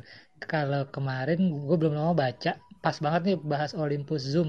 Zoom tuh stylus em, Miu itu kan ya, Iya, Iya, betul. benar. kalau nggak salah. Jadi dia di bagian depan justru itu ada semacam eh, seal dan seal itu sudah menua. Itu yang biasanya bikin bocor. Tapi lihat lagi leaknya tuh bener-bener kan kelihatan ya leak dari depan warnanya apa, leak dari belakang warnanya apa. Kalau memang bener dari depan itu masih bisa diakalin kok. Waktu itu gue baca Hmm. ditutupin aja bagian lensanya kalau nggak salah. Hmm. Ya, gimana? Gak bisa motret dong. Samping samping lensanya. Iya, Pak. lagian nyuruh tutup lensa. Ah, Oh iya. Jadi iya. pinhole Maaf, dong. Maaf, maaf dong, maaf. Tuh, gue dapat bocoran nih. Aduh, Mas Abdo nih diem-diem aja nih. Lip depan putih, lip belakang merah. Mas naik aja mas ini mas. Ikut ngobrol mas. Ah, Om Sabdo Terima kasih Mas malu-malu. Abdo. Oh, oh. Makasih Om. Lanjut, Lanjut. lanjut. Masih berhubungan dengan leak, film gagal, tempat servis kamera analog di Jakarta please. Pasbar lah. Tapi Pasbar lagi tutup. Pasbar lagi tutup tapi. tapi Kalau di nggak salah, beberapa mereka sedia servis tapi di rumah ya. ya cek-cek aja Instagramnya terus ikut forum lah yang jelas. Ikut forum Facebook itu kan paling rame tuh. Di situ bisa kok lihat-lihat tanya-tanya. Tapi lebih aman sih kalau kita tahu tempat fisiknya ya. Kalau tempat fisiknya lebih enakan di pasar baru yang banyak. Kalau online kan serem juga Oke. kalau nggak kenal. Ya, ya, betul, betul. Halo Mbak Fresil, ketemu lagi. Selamat datang. Lanjut ya pertanyaan berikutnya ya. Ini nih Iya jawabnya dong. kayaknya harus Mas Irsan yang jawab nih. Apalagi coba. Filter Ini atau pasti- app di iPhone, filter atau app di iPhone yang recommended kayak film sinematik, Mas? Filter atau application di Aplikasi iPhone. Aduh, saya nggak pakai iPhone. Yang pertama, saya nggak pakai iPhone. Terus kemudian yang kedua, saya hampir tidak pernah mempergunakan filter atau apa pun itu yang yang sinematik di smartphone. Terus kemudian yang ketiga, yang pastinya saya nggak pernah mencoba untuk mencari, mencari hal itu. Mungkin teman-teman yang pakai iPhone lebih bisa menjawab hal ini. Sekian terima kasih. gila motret motret pakai iPhone aja udah bagus ya. Pakai iPhone-nya buat motret. Betul sih, sepakat sih. Ini pertanyaan emang rancu sih.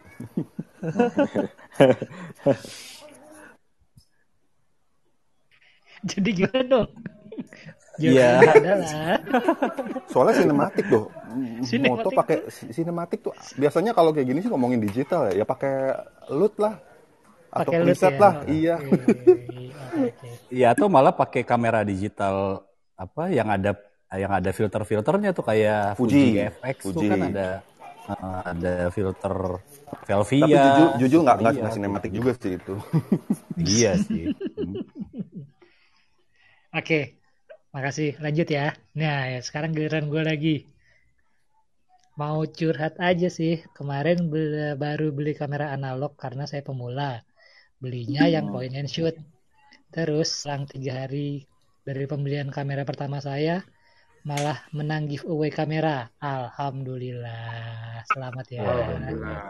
Alhamdulillah. Selamat. Bener-bener ya. Oke, gue yang enak-enak aja. Jackpot. Oke. Lanjut. Nah, ini kayaknya seru nih. Eh, tips menyimpan roll film dong. Silakan. Roll film yang udah kepake atau belum kepake? Kayaknya yang belum deh Om. Yang belum Dari yang kepake. belum dulu Om. Ya kalau yang belum sih, yang penting suhu terjaga, jangan terlalu lembab, apa, jangan terlalu berubah-berubah suhunya.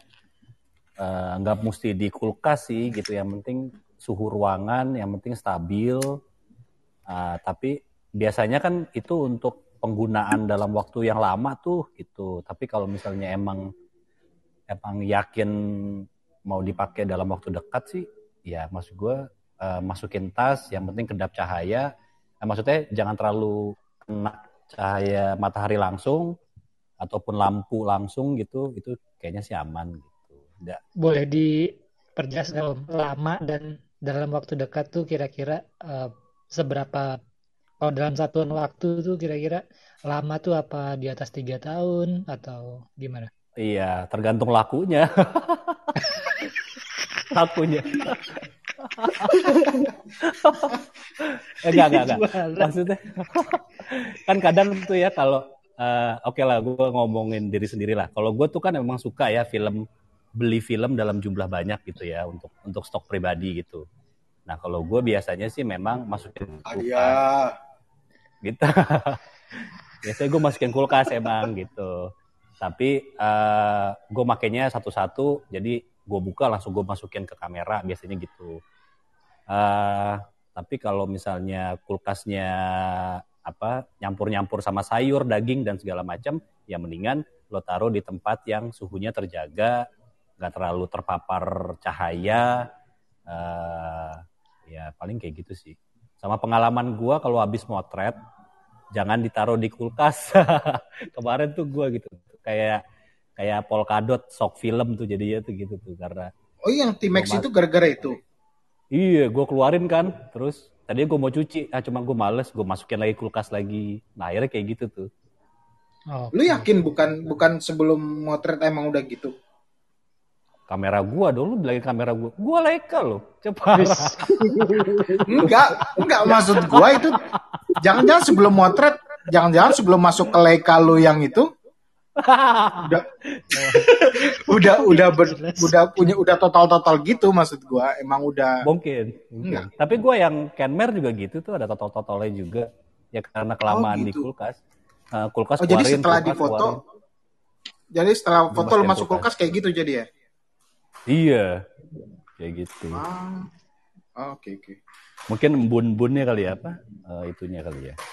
jamur pak itu enggak Embun kayaknya apa? Kayak eh, embun yang terus eh, bekerak gitu loh. Kayak gitu loh. Kondensasi sehingga Ya. antar emulsi saling menempel. Ah tuh kan bahaya kalau Om Irsan udah, Pak Ngeri Irsan udah bicara tuh ilmiah. Gitu. Begitu kira-kira. Iya iya iya iya. iya.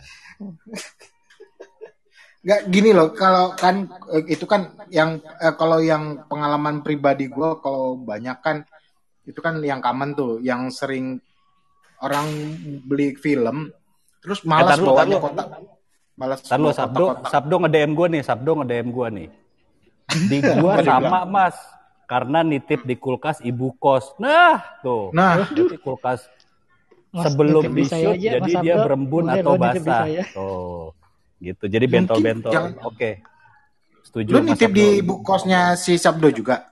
Kayaknya begitu deh. Apa jangan-jangan kita satu-satu kos kali Mas Abdo nih. Ini apa ya? Nggak gini, kalau ad- ada tips juga dan kecerobohan yang gue lakuin gitu. Kadang kita beli film, terus kita keluarin dari kotaknya, terus kita ya masuk dia mau naik. Biar- biar gampang kan. Iya. Ya, oke, biar gampang kita kita masuk masukin semua. Nah itu juga mempengaruhi ya mempengaruhi kualitas filmnya gitu. Jadi kalau mau nyimpan tuh lebih baik gue saranin dalam bentuk aslinya kita dapat atau kalau nggak ada kotaknya kita sediain kotaknya seperti yang tabung-tabungnya itu. Tabung plastiknya itu kadang-kadang kan kita berat juga mau bawa gede-gede kan kita keluarin gitu Terus kalau atau kita masukin ke case yang film-film itu terus kita buka di luar, kadang masuk debu dan segala macam juga mempengaruhi. Nah itu Kalau- eh, sebaca-baca gue juga kan tiap ini loh, tiap tiap film juga ada misalnya gini, eh Kodak, eh, Color Plus, eh, Asa 100, biasanya kan suka ada garis miring 21 derajat. Nah itu kayaknya itu batas ininya deh, batas penyimpanan kalau misalnya eh, nggak boleh lebih dari itu atau nggak boleh lembab dari lebih lembab dari itu gitu. Ah itu gue nggak ya. tahu tuh. Iya apa tuh kan ada Iya. ada film terus ada ada derajat derajatnya kan. Gue nggak tahu tuh. Ah, ah, gue Iya. nggak tahu tuh apa. Jadi itu sih. Ya kalau film kan apa eh, lemahnya cuma sama cahaya sama suhu ya. Kalau menurut gua sih pengalaman gua kayak gitu. Mas Abdo ada yang mau ditambahin mas? Halo semua. Nah, Halo. Akhirnya dengar suara Sabdo ya. Uh bahaya. Pengalaman sama nih sama Pak Toro nih. Waduh, Pak Sabdo. Kita kapan nih COD mamnya 7? Ay. Ditanya lagi. Aduh. Boleh mas, boleh. Iya nih, Albert nggak nggak mau dia minta temenin ke rumah lu mas. Waduh, gue mau ngajak dia sepedaan aja lah. Iya nih. Gimana, Mas? Mas nih, kenal PKM. Gua dulu juga sama tuh. Mungkin karena ini ya filmnya kan film book dulu tuh beli di Fajar kan rolling apa CN 200. sorry, RPG 400 jadi Oh, oh, efek. nggak pakai ini nggak pakai kanister apa yang tabungnya nggak pakai tabungnya. Jadi masuk ke zip bag terus taruhnya di kulkas ibu kos yang bawah tuh yang sayur tuh. Jadi lembab mungkin ya. Basah mungkin. Maupun Ah. pakai udah pakai zip bag. Itu jadi harusnya zip bagnya juga harus dipres sampai keluar anginnya semua. Baru. Jadi semuanya sampai sekarang juga ya udah belang-belang gitu loh. Ada kayak bekas garis gitu loh ada flop gitu kayak kayak kayak inilah sayang Tenang, nggak akan ada yang tahu kalau itu error selama kita nggak bilang kalau itu error. Iya. Orang akan semua- itu art. Art, pokoknya semua fine art. halo Mas Rahmat, silakan Mas. Loh, eh, enggak nambahin sedikit juga sih pengalaman juga kalau nyimpen dalam jumlah banyak. Kalau dulu pernah tanya sama Om Har, seharusnya nyimpen itu pakai apa itu yang plastik ngepres itu loh. Ya. Ziploc. Ziploc. Ziploc. Iya. Ah, ziploc. cuman yang permanen yang biasanya buat ma- ma- ah, buat makanan itu. Jadi benar-benar Plastik Oh. vakum, wrap. vakum. Plastik, Vakum, plastik, vakum. plastik vakum. Iya, betul. Iya, betul. Jadi benar-benar Oke. vakum. Terus waktu mau dipakai, digunakan eh, di apa disimpan di su- ah, diletakkan di suhu ruang sekitar 1-2 jam lah. Itu. Kalau aku sih kebiasaan malah seharian baru tak taruh. Tapi ini eh, apa eh, di anu eh, suhu kamar kalau aku. Iya. So far Hmm, aman. iya. Terus kayak yang Sabdo tadi itu juga pernah pengalaman.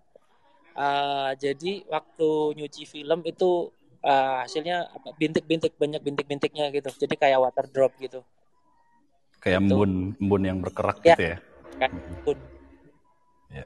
Gitu. Tapi kalau baca-baca di forumnya luar, apa ya kemungkinan sih kalau kita ngomong ngomongin soal chemical, kemungkinan juga bisa terjadi eh, eh, nggak cocok antara developer sama fixer itu juga bisa.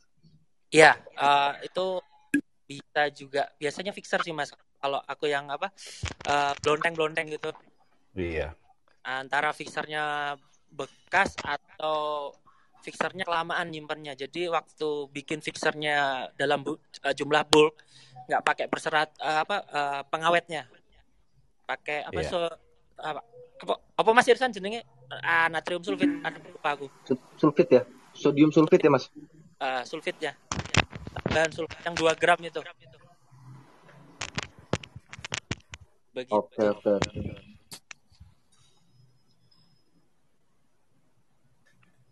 Iya. Nah, kalau ngomongin fixer, Baim lah jagonya. Dia tahu tuh ketika developernya acid harus dikasih fixernya apa ketika developernya basah harus dipakai fixernya apa. Oh, Baim jago lah itu.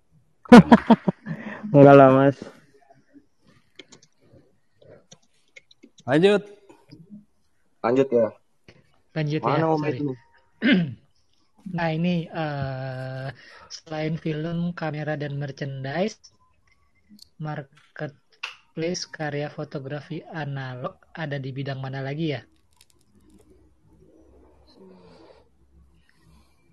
Marketplace?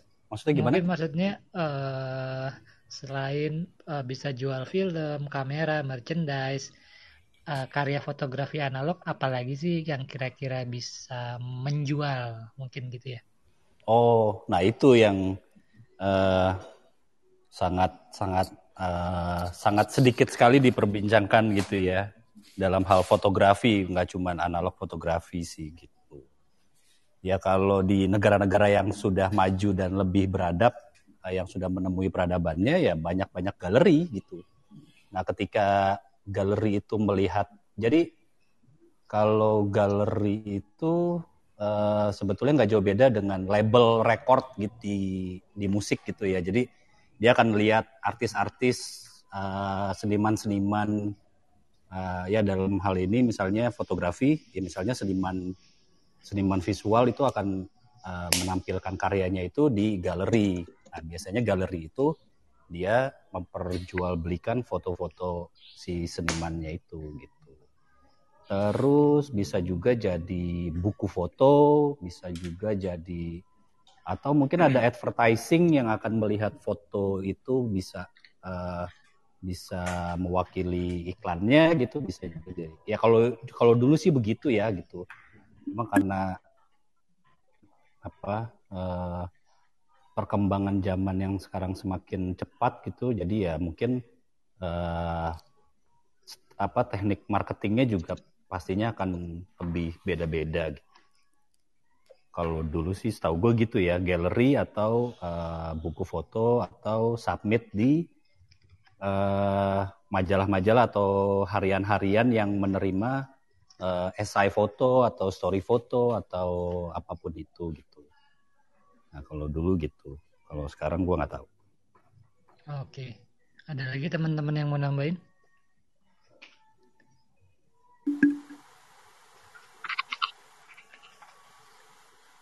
Aduh, Om. Jual. Ada ya. Jelly Nah, terakhir sih, eh sorry, sorry, sorry. Terakhir sih kayaknya gue lihat foto Om Yersan dijual di WNB sih itu. Ada, ada juga. Itu bisa jual karya foto hasil dari WNB. Itu juga Jelly Playground jual postcard ya. Oh Oh, iya, Jelly postcard. Nah, Playground. iya. Ya. Terus kalau nggak salah ada yang namanya Danang Wijanarko kalau di grup Facebook itu orang dia tinggalnya di Bali dia tuh kalau nggak salah eh, mencetak hasil fotonya di kaos terus kaosnya dijual Ya Hmm. bisa juga. banyak Eh, menarik, menarik. Eh, eh, ada senior tuh, Dek, masuk tuh, Om Dudu tuh. Malam Om. malam om berarti paling eh ya sih kalau di kita saat ini galeri masih identik dengan lukisan masih terbatas lah ya nggak sih Iya, iya betul. belum untuk fotografi masuk ke situ Iya, dan biasanya galeri yang di Indonesia akhirnya hanya menjadi ruang pamer gitu.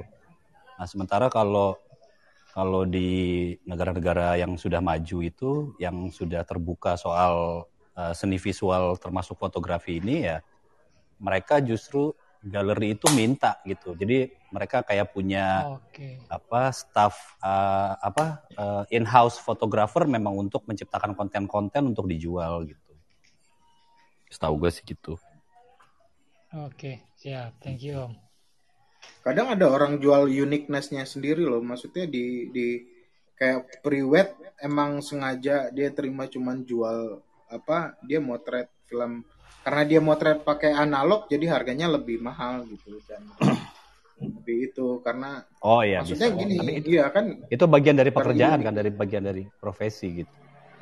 Maksudnya kan kita ngelihatnya dari dua dua sisi dari segi fotonya dari segi fisiknya juga dari segi uniknya gitu Oh Nah, iya. ah, ah, ah, kan Mediumnya, dia iya. dijual gara-gara uniknya dia film itu jadi Iya, iya. tingkat kesulitannya dia maka maka dia jadi punya bergen yang lebih gitu Iya ya, kalau ngelihat eh, Kit Yong itu hampir setiap hari dia kan promoin hasil cetaknya itu kayaknya kok enak banget ya. Iya, Di gua sini gue mau jualan, gue mau jualan foto kucing kayak nggak laku ya. ya belum belum dijual aja kali coba aja Cobain ke kan? kucingnya. Cobain jual ke kucingnya. Ada yang mau gak. Boleh boleh. Gua enggak kalau gua tipe coba. nerima kok beneran gue serius kita Iya, nerima nanti lu cetak aja Mm-mm. lu cetak nanti kita taruh di lab lu kasih price ya tergantung orang beli apa enggak ya terserah gitu Oke siap, menarik kok, Oke, menarik. menarik, menarik, Itu menarik. challenge sih, seru-seru. Iya, maksud gue kenapa enggak gitu? Kita coba aja, kita kita coba push sampai ke mana gitu, bisa ke mana kan? Iya. Kalau ada yang mau cetak kan lebih seru tuh. Jadi lu cetak, lu taruh di di di kalau tipe, kalau ada yang mau beli ya tergantung price-nya kan lu sendiri yang netapin harganya. Iya. Yang itu kan bentuk karya lu. Iya, iya, Coba aja, siapa tahu bisa mas. Di kalau tipe udah ada sih satu foto yang eh yang sudah dipamerkan satu foto, cuman belum memang belum ketemu ininya ya peminatnya. Hmm, Oke. Hmm. Fotonya Sutrisno Jambul itu udah Oh. kita coba pasarin secara cetak gitu. Oke. Sip sip, thank you Om. Lanjut ya. Sip, sip. Hmm, Min, emang bener kalau analog yang point and shoot harus dipanasin tiga hari sekali. Ini kamera apa motor nih?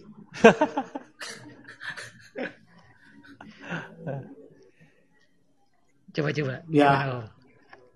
Bener lah, kalau enggak lu nggak motret-motret nanti labnya Iya, iya, susah. bener. Betul. Iya benar. Setuju sih, Iya. Abis motret jangan lupa kirim filmnya ke Kalau boleh. Pinter banget kalau Ini Om Ed ini bagus nih partner jualannya. bagus partner jualannya. Oke, lanjut ya. Em, mungkin nambahin kalau mungkin maksudnya itu kalau nggak dipakai jadi lebih gampang rusak dibanding lebih sering dipakai. Ya nggak tahu ya. Mekanik dengan itu.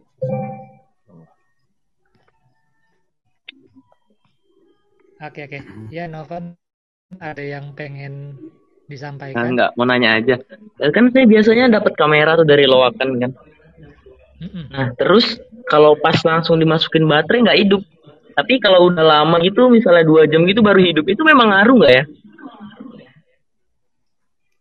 Kaget kali dia dibeli, makanya nggak nggak. Lah, begitu. Ada yang pernah ngalamin juga nggak ya? Soalnya sering. Ini rasanya ranahnya tukang servis kamera nih. Ada Elektronik ya itu. Iya, ha, ini elektrik Iya. kayaknya. kalau elektrik biasanya gitu sih. Iya ya. Kirain ada yang ngalamin juga kan. Oke, thank you. Oke, makasih. Lanjut ya. Mau, ah, oke. Mau nanya gimana caranya meminimalisir grain di film expired atau bulk? Silakan teman-teman. Wah, ini bagus nih pertanyaan ini. Iya. Coba yang pertama dulu dari Om Toro Ini atau gue Om langsung, Irsan kalau ini deh. gue langsung mute. Kalau gue Gue bilang mau gue mau cari mengurangi- contekan dulu bentar. Eh, cari cari kertas mau nyontek. mengurangi grain pakai kamera digital lah. ya Itu karena ngurangin oh. Uh, grain itu kan pixelnya analog ya gitu. Ya mungkin uh, chemistry-nya seperti apa ya itu yang bisa menjelaskan mungkin uh, Om Irsan sama Om Halbert lah gitu. Sama Om Mbak, sama Om Baim lah yang lebih paham. Cuma kalau Iya. kalau kalau gue sih gue lebih suka yang grain ya gitu. Maksudnya yang enggak nggak nggak gimana gitu. Cuma kalau untuk menguranginya ya itu lebih ke kecocokan chemical mungkin ya sama pemilihan asa atau apalah gitu. Kayaknya sih. Grain kalau se- sejauh yang Gua tahu ya. Pertama pasti dari emulsi filmnya. No matter what, no matter how, film Ilford Delta 100 ya itu grainnya pasti akan lebih halus daripada uh, 3X 400 itu yang pertama. Jadi dari emulsi dulu. Terus kemudian setelah itu dikombinasi dengan developer. Developer ada yang uh, memperkuat visualisasi dari grain dan ada yang uh, menghaluskan grain.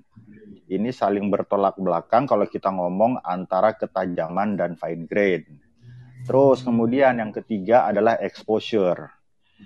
Kalau sepengalaman gue di uh, apa namanya di darkroom, uh, film yang over exposure, eh ya film uh, negatif yang tebel, iya negatif yang tebel itu cenderung akan uh, makin memperlihatkan grain di kertas. Itu. Sehingga bagaimana caranya untuk menguranginya? Harus dapat eksposur yang pas. Di tengah-tengah. Untuk untuk uh, apa namanya? Uh, uh, uh, uh, uh, kompensasi hal itu atau uh, kompromi hal tersebut. Gitu. Jadi tapi secara garis besar kalau secara umum ya, secara umum, secara umum uh, uh, gampang-gampangnya lah kata kasarnya walaupun walaupun ini tidak sepenuhnya 100% benar dan bisa diterima. Grain itu biasanya itu berhubungan dengan uh, uh, film dan developer. Udah itu. Kalau exposure udah udah udah udah udah pasti tergantung nanti di lapangan bagaimana kan tapi umumnya itu karena karena uh, uh, film dan developer. 500 T mau dibuat grainnya kayak 250 D nggak bisa. betul. Nggak bisa. Tanya Mas Dion. Mas Dion itu hebat itu udah udah nyoba berapa kali dia itu. Aduh jangan. Begitu dong. yang bisa saya nambah. Oke. Jujur sebenarnya yeah. grain itu uh, agak-agak uh, gimana ya? uh, based on experience gue kalau di wet print ya nggak nggak ya masih masih dibilang bukan belum terlalu bukan master printer lah maksudnya. Grain itu di darkroom itu so far yang bisa gue lihat itu kalau gue pakai grain focuser gitu di kertas 8 kali 10 pun gue nyetak T-Max 3200 tuh nggak ada grain nih begitu hasilnya di di di wet print gitu kalau misalnya nggak gue pakai zone focuser gitu loh. Jadi so far sih nggak tahu ya kalau memang di di print lebih gede itu mesti tanya uh, yang biasa ngeprint kertas-kertas lebih gede dari 8 kali eh, 8R ya. Jadi grain itu kayaknya apa ya? ya so far sih kalau kita lihat dari versus hybrid ya cuma kelihatan yang di di layar itu gitu loh. Itu sih. Entah deh. Oke oke.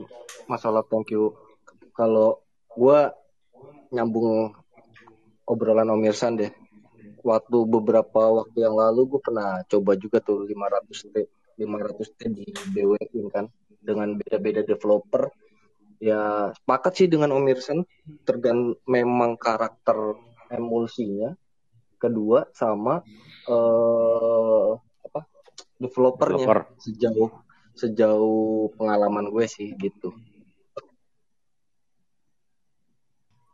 Oke, ada lagi yang mau nambahin atau ada yang mau nanya? Uh, itu uh, di matchingin sama pertanyaannya aja. Kalau ini kan secara global tadi itu, tapi pertanyaannya belum kejawab loh itu. Film expired. Dia nanya, iya ya. Iya. Uh. Film expired apa tadi pertanyaannya? Mau, mau nanya gimana, gimana caranya meminimalisir grain di film expired atau bulk?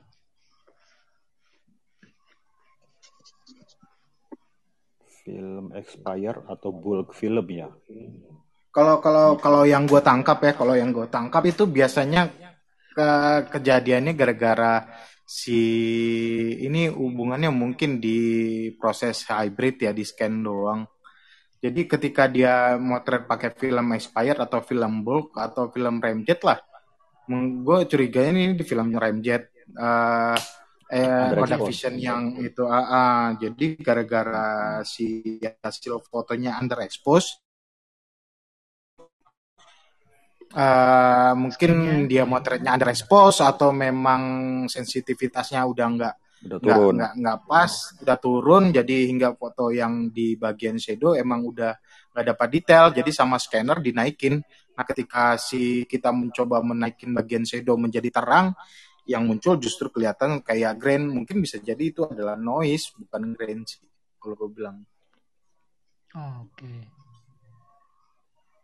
atau ya nggak tahu. Mungkin bisa soalnya gue nggak cetak ya tapi kalau kalau yang kejadian yang paling sering tuh yang kelihatan banget grainnya itu kalau proses scanner ya yang bagian shadow bagian yang makin parah lagi bagian yang under apa yang under bukan under ya under ya kali. Emang yang uh, seharusnya shadownya gelap tapi dinaikin sama si scanner itu kelihatan banget noise-nya atau grainy-nya. Bukan noise sih tapi ya emang ya nggak tahu deh. Emang masih kelihatan seperti kotak-kotak bukan titik-titik kalau kan bedanya tuh kalau grain kan kotak-kotak ya. Kalau noise kan eh eh kebalik ya kalau noise kan kotak-kotak kalau green kan titik-titik tuh karena dia dari silver kan tapi ya paling kelihatan sih kalau dari proses uh, yang si expired itu ya itu yang paling sering kelihatan di hasil scanan biasanya foto-foto yang gelap yang coba dinaikin sama si scanner. Oke. Okay. Cuman kalau nggak dinaikin sama scanner pasti gelap, fotonya gelap banget. Iya. Yeah, yeah. Ada lagi yang mau nambahin soal grain? Atau ada yang mau nanya? Boleh? Kalau nggak ada, uh, lanjut ke pertanyaan berikutnya. Mau nyoba film positif tapi budget terbatas. Mungkin Mimin punya alternatif gimana cara develop biar jadi slide film. Hitung-hitung biar pada ngambil klise di lab. Kalau gitu kan nggak mungkin ditinggal. Apanya nggak mungkin? Oh, uh, reversal nih kayak nanya reversal ya? Iya. Iya nanya reversal. Irsan lah siapa lagi? Iya kirim kirim ke One Shutter Lab ya? Iya, eh. Bangke. Gimana Mas? Uh, bisa apa ya, mas, enggak? Terus sharing lah Mas itu apa pro and kontranya apa apa kelebihan dan kekurangannya tuh bikin reversal film dari dari kalau kalau kalau film slide positif beneran kayaknya uh, terlalu terlalu over express dia dia pertanyaannya jadi cuman gara-gara hitung-hitung ngambil daripada ditinggal tuh kayaknya kesannya untuk untuk tidak membuang-buang kan. Tapi kalau kita yeah, pikirin bener-bener uh, kalau orang yang nggak benar-benar ngerti motret film purpose-nya motret film positif membeli film seharga itu dicuci dengan seharga itu worth it nggak tuh gitu? Terus kan kalau kan jadinya udah, ada alternatif. Uh. kalau yang udah pernah pernah merasakan melihat langsung uh, film positif atau slide positif pasti bakal bilang worth it worth it aja harga segitu buat nyuci. Karena Iya, tapi ini perbandingannya kan daripada klisenya nggak di ditinggal gitu dia bilang. Itu kan ada konotasi yang bukan yang pasti yang pasti begini. Yang pasti kalau misalnya mau dicuci sendiri mau melakukan proses reversal sendiri gua ngomong pahit-pahitnya dulu ya. Yang pertama adalah prosesnya jauh lebih panjang. Karena dua developer yang dipakai pertama di develop pakai uh, developer BW dulu. Terus kemudian dikeluarin dari real. Terus kemudian diekspos ke cahaya. Habis itu dimasukin lagi ke real. Setelah itu dicuci dengan uh, developer warna. Lalu terus kemudian di bleach kemudian di fixer kemudian di stabilizer. Jadi panjang sebenarnya prosesnya. Itu yang pertama. Terus kemudian pahit yang kedua adalah kalau kita mencoba uh, uh, proses reversal dengan mempergunakan film C41 negatif atau film ECN yang notabene adalah base plastiknya itu bukan putih bening melainkan apa ya warnanya coklat atau oranye ya coklat, coklat mas coklat ya coklat coklat bening nah ketika dilihat itu pasti nggak akan ada warna putih Selamat datang karena warna Om putih Andri di situ Dirindra. karena warna putih di situ pasti akan menjadi uh, uh, uh, warna coklat ya kan Nah, kenapa saya tetap melaksanakan hal itu? Karena in the name of having fun, itu aja sih. Bagaimana ketika ketika, uh, uh, ketika ketika sudah uh, paham cara-caranya, nah dari situ kemudian baru nanti diaplikasikan ke film slide yang beneran. Pertanyaannya adalah apakah lab mau melakukan proses itu? Nah, silahkan yang punya lab jawab. Eh, Om Andri Delindra, selamat datang ya Om. Eh, mungkin mau ke atas untuk ngobrol-ngobrol juga Om. Oh, naikin dong Om Andri dong. bentar bentar Sudah, sudah di invite. oke Oke, thank you lanjut. Eh, yang lab Lanjut. mana tadi? Mau Iya. mau nanggepin Om Irsan apa cuekin aja?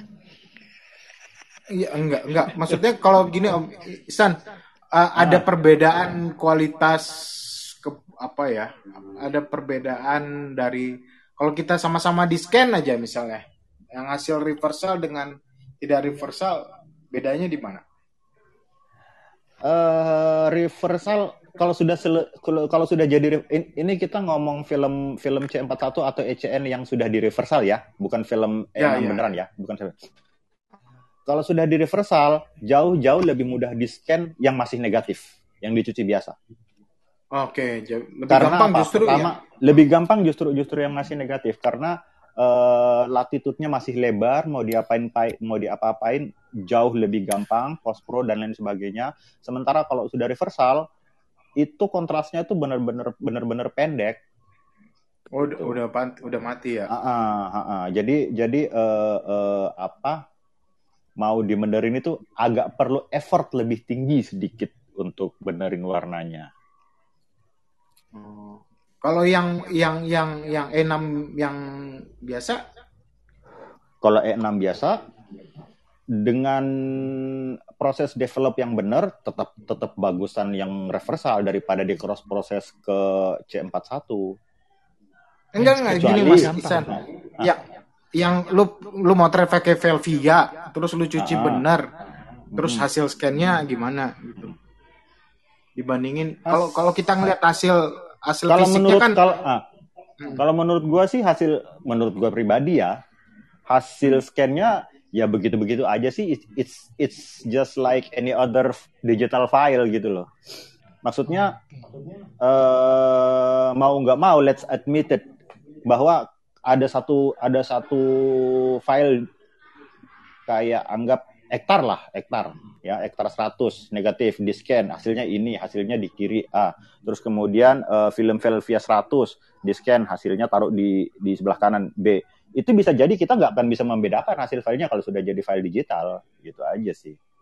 Jadi eh, bagaimanapun eh, eh, kalau untuk digital file ya kalau untuk digital file sekedar untuk archival ya gua sih tetap tetap tetap lebih milih negatif lebih murah Iya pula soalnya soalnya kalau gue lihat-lihat ini enggak ini selera sih ya. Kalau kalau film foto-foto hasil Kodachrome tuh nggak ada yang nggak ada yang itu eh nggak ada yang bisa ngalahin dengan negatif yang sekarang kalau gue bilang kan soalnya emang warna-warnanya itu lebih lebih lebih enak gitu. lebih hidup iya. Ya, eh, tapi dia mungkin di scan setelah jadi cetak ya. Enggak juga Malah sih. Gue pernah lihat di, berapa- di lu lu kalau pernah lihat lu masuk di itu kan di grup FB-nya The Dark Room kan dulu pernah ada orang tua siapa gitu dia beberapa kali nge-share hasil Kodak Room eh eh, eh, eh, eh, eh, eh, dengan mengesampingkan eh, kompresi dari Facebook, gue lihat sih memang warnanya memang memang memang punchy banget. Ah, memang Bukannya yang share di group itu ada mas, yang ke print pakai Cibakrum kan? Bukan, bukan, bukan, bukan ngeprint dia. Dia dia dia nge-share uh, uh, uh, klise-klise Kodak Chrome dia yang lama. Tahun ada yang tahun 75, ada yang tahun 60 gitu. Itu scanan berarti Omsan berarti scanan yang langsung direct dari positifnya klisenya itu gitu berarti Iya, iya, iya.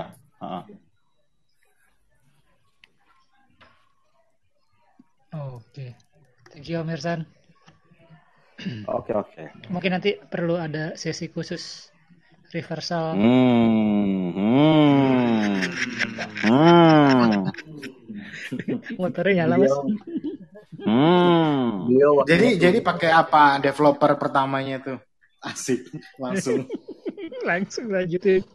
Sampai di- Developer pertama ada beberapa pilihan, pakai Rodinal 120 bisa, D7611 bisa, Xtol Stock bisa, Aku Fine Stock bisa, DDX14 bisa. Oh satu empat ya oke. Mm-mm. Untuk C41-nya pakai Flexicolor bisa, pakai Tetanal bisa, pakai Steel bisa, pakai yang DIY bisa. Asalkan ketika di develop di color itu di atas eh, jangan jangan ngikut 3 seperempat menit ya. Kalau bisa di double. Let's say misalnya 6 menit lah gitu. Terus waktu pada saat nah yang susah itu adalah ketika eh, develop BW-nya.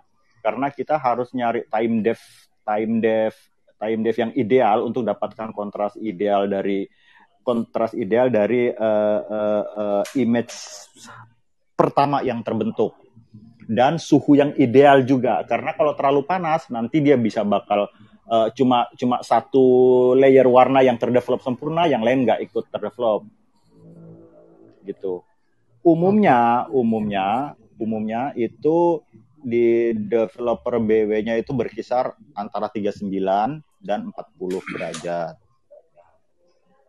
BW-nya segitu?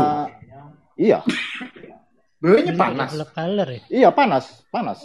Karena kalau dia dingin, kalau dia dingin, eh, developing agent itu nggak akan penetrasi ke dalam. Dia cuma develop yang di bagian atas.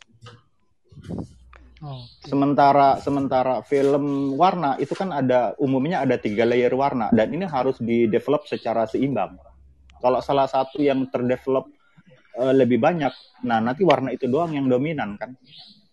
Makanya kenapa sangat kritikal di warna kalau soal soal soal suhu.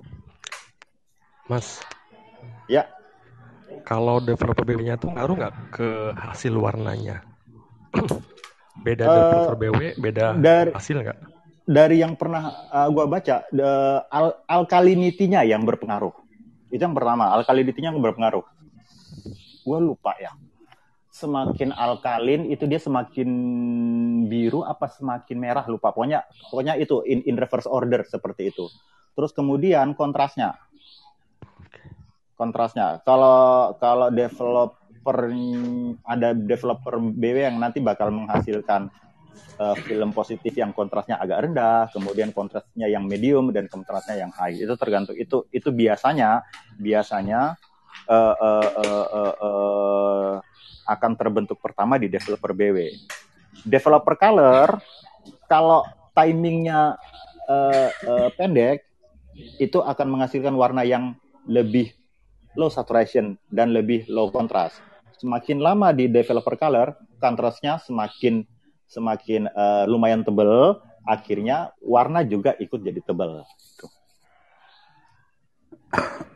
oke. Semua film bisa dibikin reversal nggak mas? eh kalau dari pengalaman sih nggak semua. Gua masih total fail di Gold 200, masih total fail, KCP masih total fail, Fuji Color C200 masih total fail. yang mas yang yang lumayan sukses mungkin karena base filmnya lumayan tebel kali ya itu ya 250D Oke. 500T pernah berhasil juga tetapi ya gitu karena dia eh, apa didesain untuk film eh, untuk untuk pencahayaan tungsten ya jadi jadinya biru Iya, iya, iya. Oke, siap. Thank you Mas Irsan. Ada lagi teman-teman yang mau nambahin, mau nanya Mau nanya masalah Ir- reversal? Om Irsan, boleh nggak Om Irsan? Mhm. Yang masalah first developer ngaruh ke color cache ya biasanya ya kalau nanti itu bisa ada ininya nggak sih Om? Misalkan kayak beberapa developer tertentu kan pernah nyoba tuh Om. Jadinya kayak Mm-mm. jadi merah marun semua gitu. Gagal yang pernah aku nanya juga. Dengan developer tertentu itu ada yang bisa diakalin nggak sih? Misalnya ditambahin chemical apa untuk mengatur akalinitasnya biar sesuai gitu. biasanya sih kalau gua sih ngatur ngatur tingkat tingkat keasaman dan tingkat kebasaannya kalau bahasa Indonesianya ya tingkat keasaman dan tingkat kebasaannya developer gue pernah lu- lupa itunya gimana pokoknya semakin basah semakin alkalinya makin tinggi dia akan jadi akan lari ke akan lebih cenderung ke warna apa semakin asid dia akan cenderung warna apa. Um, kalau se- terus eh, tingkat solve solvelinity apa sih bahasa Indonesia-nya solvelinity ya? Gitulah pokoknya. Ada sodium sulfit. Nah sodium sulfit itu semakin banyak gue lupa itu di, di, dimasukin ke ke color developer apa ke BW developernya ya pokoknya semakin banyak sodium sulfit itu dia akan semakin biru semakin banyak sodium hidro, hidroxide itu dia akan semakin warm ada itunya Iya, kemarin juga ini Mas Elva ngobrol sama Mas Irsan juga kan untuk yang first developer itu BW. Pertama kan nyobain Rodinal. Kayaknya sih kalau baca-baca Kodak Vision 250 Kodak Vision itu kalau nggak salah pH-nya di 10,1 ya buat cuci ya. iya tinggi bener Nah, Ah, ah. Rodinal itu ternyata dia 9 ininya pH-nya. Warnanya mendekatin. jadi kurang Terus tinggi Terus nyobain pakai Xtol. Xtol tuh berapa ya? Di bawah itu deh lebih asam deh. Hasilnya lebih ungu jadinya. Mm-mm. Kayaknya sih ke situ sih. Nah, saya suka kalau ada yang langsung nyoba kayak begini. Berarti saya tidak perlu menjawab semua pertanyaan. Mantap. Mantap. Jadi kalau lihat di apa grafiknya sih itu tuh apa kan ada yang di apa PDF-nya si Kodak Vision tuh. Jadi kalau mungkin dia lebih rendah, pH-nya mungkin dia lebih ke ungu atau apa gitu warnanya. Cenderung ke warna apa gitu Iya, ya? Iya. ah, mungkin ke situ sih. Jadi ya sementara ini sih Rodinal yang mungkin yang deketin ya karena dia 9 pH-nya. Tapi gua nggak ngecek sih itu baca dari ininya Rodinal ya, maksudnya mungkin segini Rodinalnya udah. Tapi nggak pernah ngecek Rodinal yang gua pakai berapa. Masalahnya itu kan suhunya tinggi banget, pH-nya ngaruh nggak tuh? Bisa naik. Se- Seingat gua kalau semakin tinggi pH, eh, semakin tinggi semakin tinggi eh, eh, suhu semakin makin naik. Iya. Correct me if I'm wrong ya. Ah, berubah Oke, lanjut ya. Boleh? Ya, lanjut, lanjut. Lanjut. Oke. Tips long exposure pakai analog. Wah ini gua aja kali ya.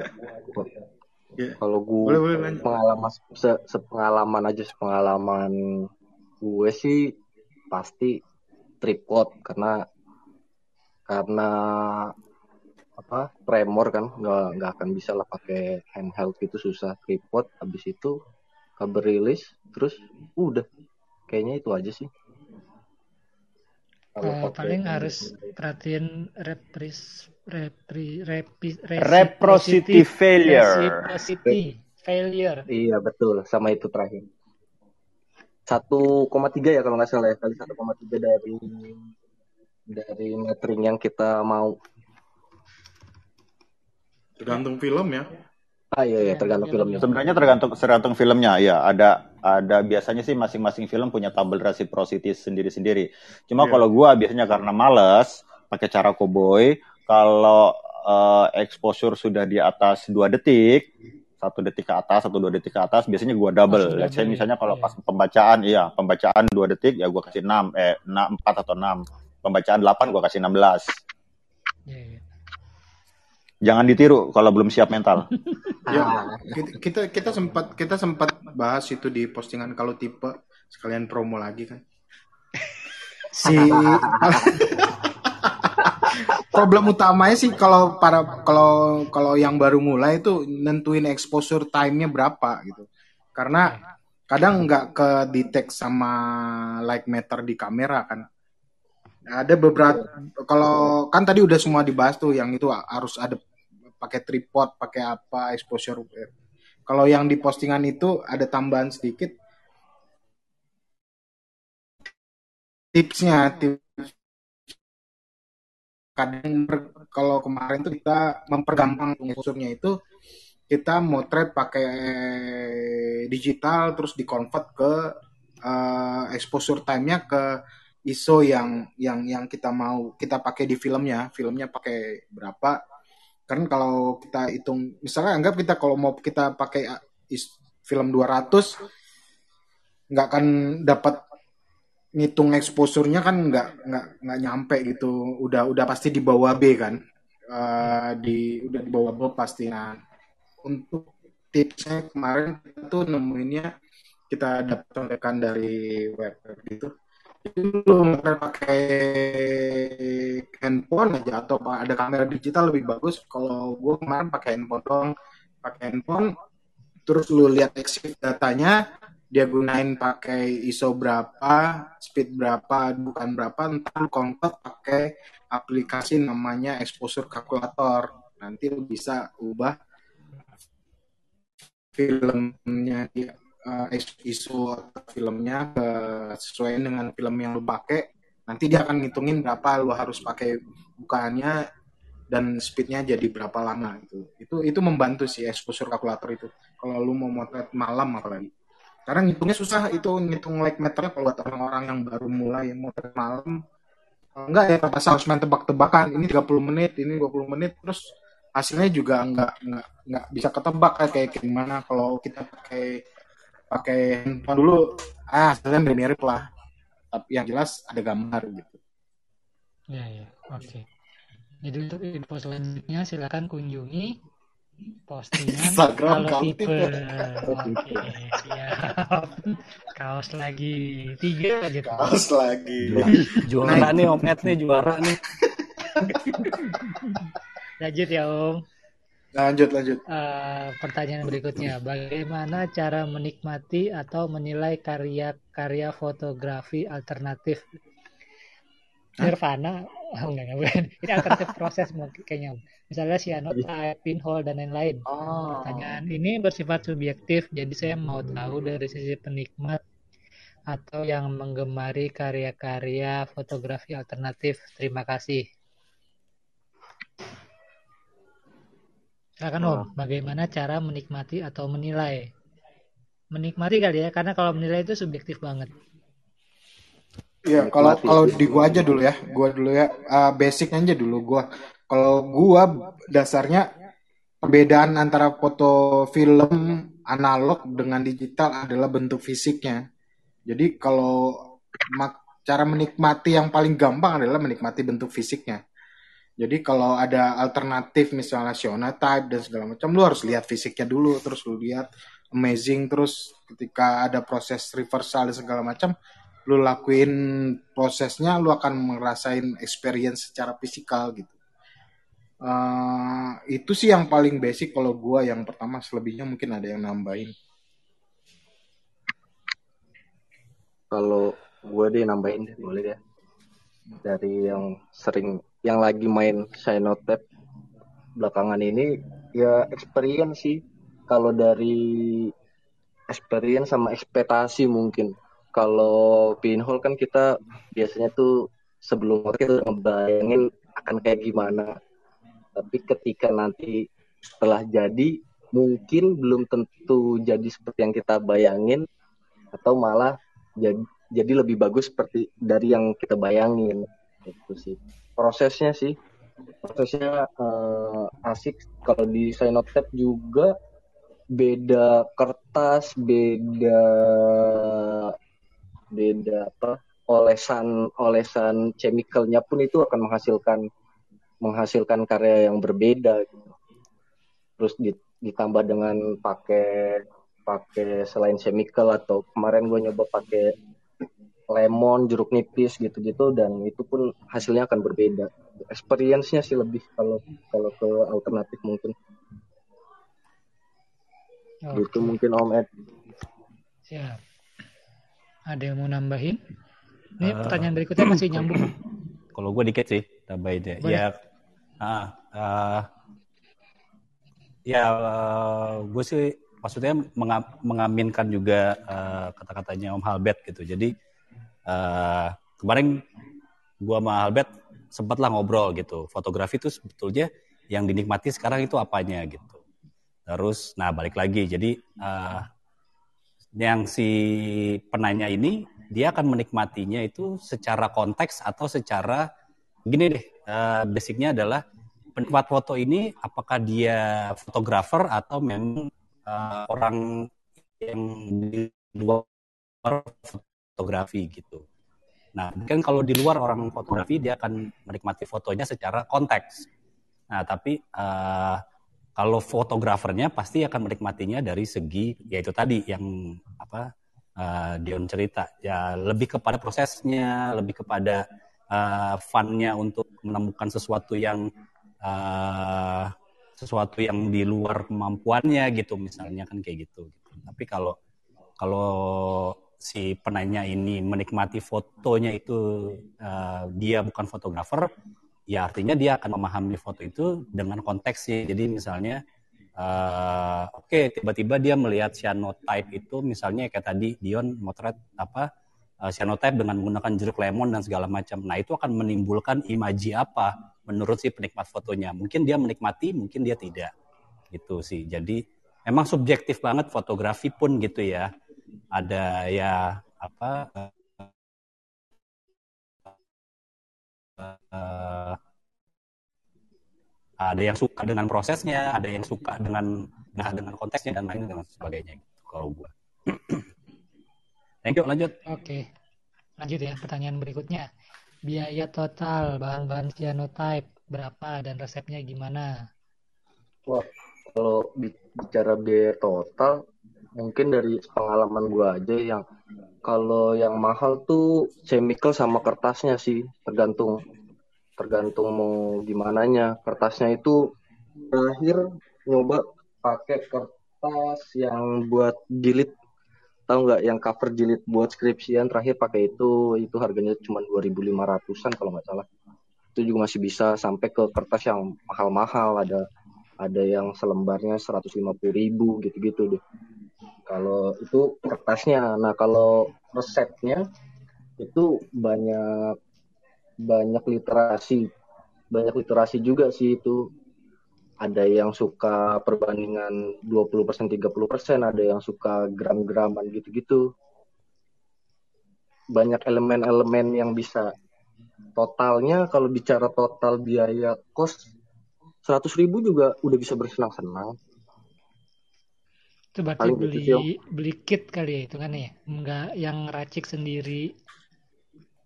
Oh, oh ya se se kalau lihat di Instagram atau di marketplace itu Abi itu jual jual juga sih tetap analog. Itu jual jual chemicalnya jual chemicalnya 70 80 ribuan. Terus kertasnya itu yang kalau A6 ya bisa bisa cuman 30 ribu juga udah dapat 100 ribu udah. Udah bisa buat bersenang-senang lah. Mungkin gitu sih om. Apa sih menariknya si Anotype? Menariknya uh, eksplorasinya banyak om. Ketika udah udah jadi biru nih terus tiba-tiba ah gue pengen jadiin coklat atau mau dijadiin silver nah itu pakai pakai bahan lain tuh. Ada bahan lain. Terus mau dijadiin apa ya mau dijadiin warna lain pun ada bah ada bahan-bahannya. Experience-nya experience yang lebih menarik sih om. Sama bentuk fisiknya paling.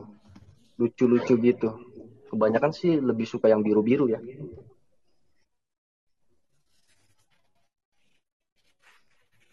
bisa dijual nggak sih hasilnya? Kayak kemarin gue lihat ada yang jual hasil cyanotype. Ah bisa bisa banget sih. Kalau dijual tinggal permasalahannya dia mau beli apa enggak itu aja. Dia nggak kertas doang kan ya? Ada di kaca juga bisa ya? Ada om. Kalau di kaca itu wah ribet lagi tuh. Butuh darkroom ada gamnya juga. Si apa namanya si chemicalnya harus di direbus. Habis itu chemicalnya disimpan di kulkas gitu-gitu deh. Sama kayak bikin kolodion kayaknya. Ah. Bisa di kertas okay. di kain di di mana lagi ya? Kertas kain batu. Kalau di grup Facebook tuh kertas kain batu yang gue tahu. Sih itu sih oke okay, kalau dia beda lagi. Apa? Kalau kalau dia beda lagi ya kalau dia beda lagi. Oh. betul. Itu gua gue juga belum belum pernah nyoba sih. Waktu itu kelasnya WNB ada cuma nggak nggak gitu oke oke. Oke thank you. Ada yang mau nambahin? Masalah cyanotype atau alt proses? Ah mbak Tes ini. Iya nih wah iya mbak Tes gue lagi sih Gak salah apa? Sana tembak. Kapan bikin kelas lagi out proses? Oh iya ya. Tapi kan kalian mau.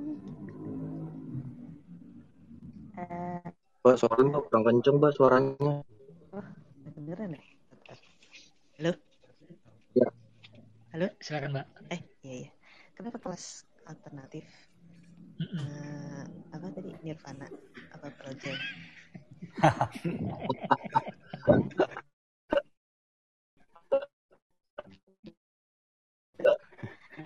Ketahuan umurnya nanti kalau gitu. Oh gitu. uh, uh, kelas kelas semuanya udah banyak rencana sih. Dia tinggal ya menunggu keadaan aja. Itu uh, apa? Mau nanya apa sih nih? Pertanyaannya apa? uh, gimana cara menikmatinya sih Mbak? Alt oh ini ada nih. pertanyaan. Menikmati menikmati karya kan? Proses alternatif. Oh, menikmati, menikmati prosesnya atau menilai karya menilai karya waduh um, ya kalau misalnya aku sih menilai karya ya menikmati karya dan namanya visual.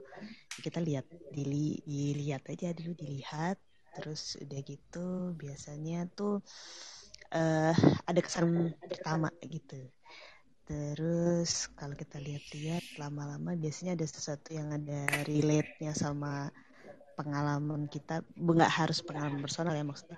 Kayak udah pernah lihat dan kayak gini terus kamu tertarik apa enggak? Atau misalnya uh, uh, relate sama pengalaman lu sebelumnya pernah ngeliat visual kayak gini kita terus jadi mulai mempertanyakan apa yang ada yang yang kita lihat itu terus nanti kita uh, ada feedback sendiri sama si karya itu. Kalau misalnya gue sendiri biasanya terus ngeliat tapi kayaknya ini apaan sih mau ngapain sih apa sih maksudnya gitu. Lihat aja statement artisnya gitu jadi dia mau cerita apa gitu. Kemudian saya cerita baca si statement artisnya uh, ngerti apa enggak lihat lagi si karyanya nyambung enggak gitu. Sama yang dia ngomong sana gitu. Terus habis itu kita jadi punya pendapat aja sama karya itu. Uh, sekaya gitu aja sih kalau ngelihat uh, karya secara visual kalau aku. Jadi kita semua boleh punya pendapat terhadap karya orang itu, uh, tapi kita juga kayaknya biasanya punya alasan tertentu kenapa kita punya pendapat kayak gitu. Jadi tiap orang pasti punya pendapat beda-beda. Akhirnya jadi sebuah diskusi. Terus karya yang bagus biasanya ya akhirnya berlayer gitu diskusinya tapi ada juga karya yang biasa aja terus orang semua biasa aja ya biasa aja terus lewat kita lihat karya berikutnya gitu kalau gue sih gitu mau fotografi mau lukisan mau patung mau prosesnya alternatif atau enggak itu kan pilihan si si senimannya ya gitu si pekaryanya jadi tapi cara gue melihatnya sih selalu kayak gitu terus gitu Oke. Kira gitu. Thank you Mbak Tesi. Terima kasih. Masih ada yang mau bertanya atau menambahkan atau membantu berdiskusi? Silakan. Daftar pertanyaan habis, Pak. Habis, Pak. Iya, sip. Alhamdulillah. Alhamdulillah. Panjang banget soal. Banyak Panjang banget soalnya. seru, seru, seru. Ditutup aja kali ya. Eh, seperti biasa, sudah jam 10. Terima kasih buat pertanyaan, komentar, jawaban, tanggapan teman-teman semua. eh hasil dari pertanyaan uh, Clubhouse kali ini akan kita upload di Spotify. Linknya nanti akan ada di uh, bio-nya Frames and Frames, Friends dan kalau tipe. Uh, sekali lagi terima kasih. Tapi seperti biasa, habis ini kita naik semua nih ngobrol bebas. Sekali lagi terima kasih. Selamat malam. Uh, Assalamualaikum warahmatullahi wabarakatuh. Waalaikumsalam. Dadah semua.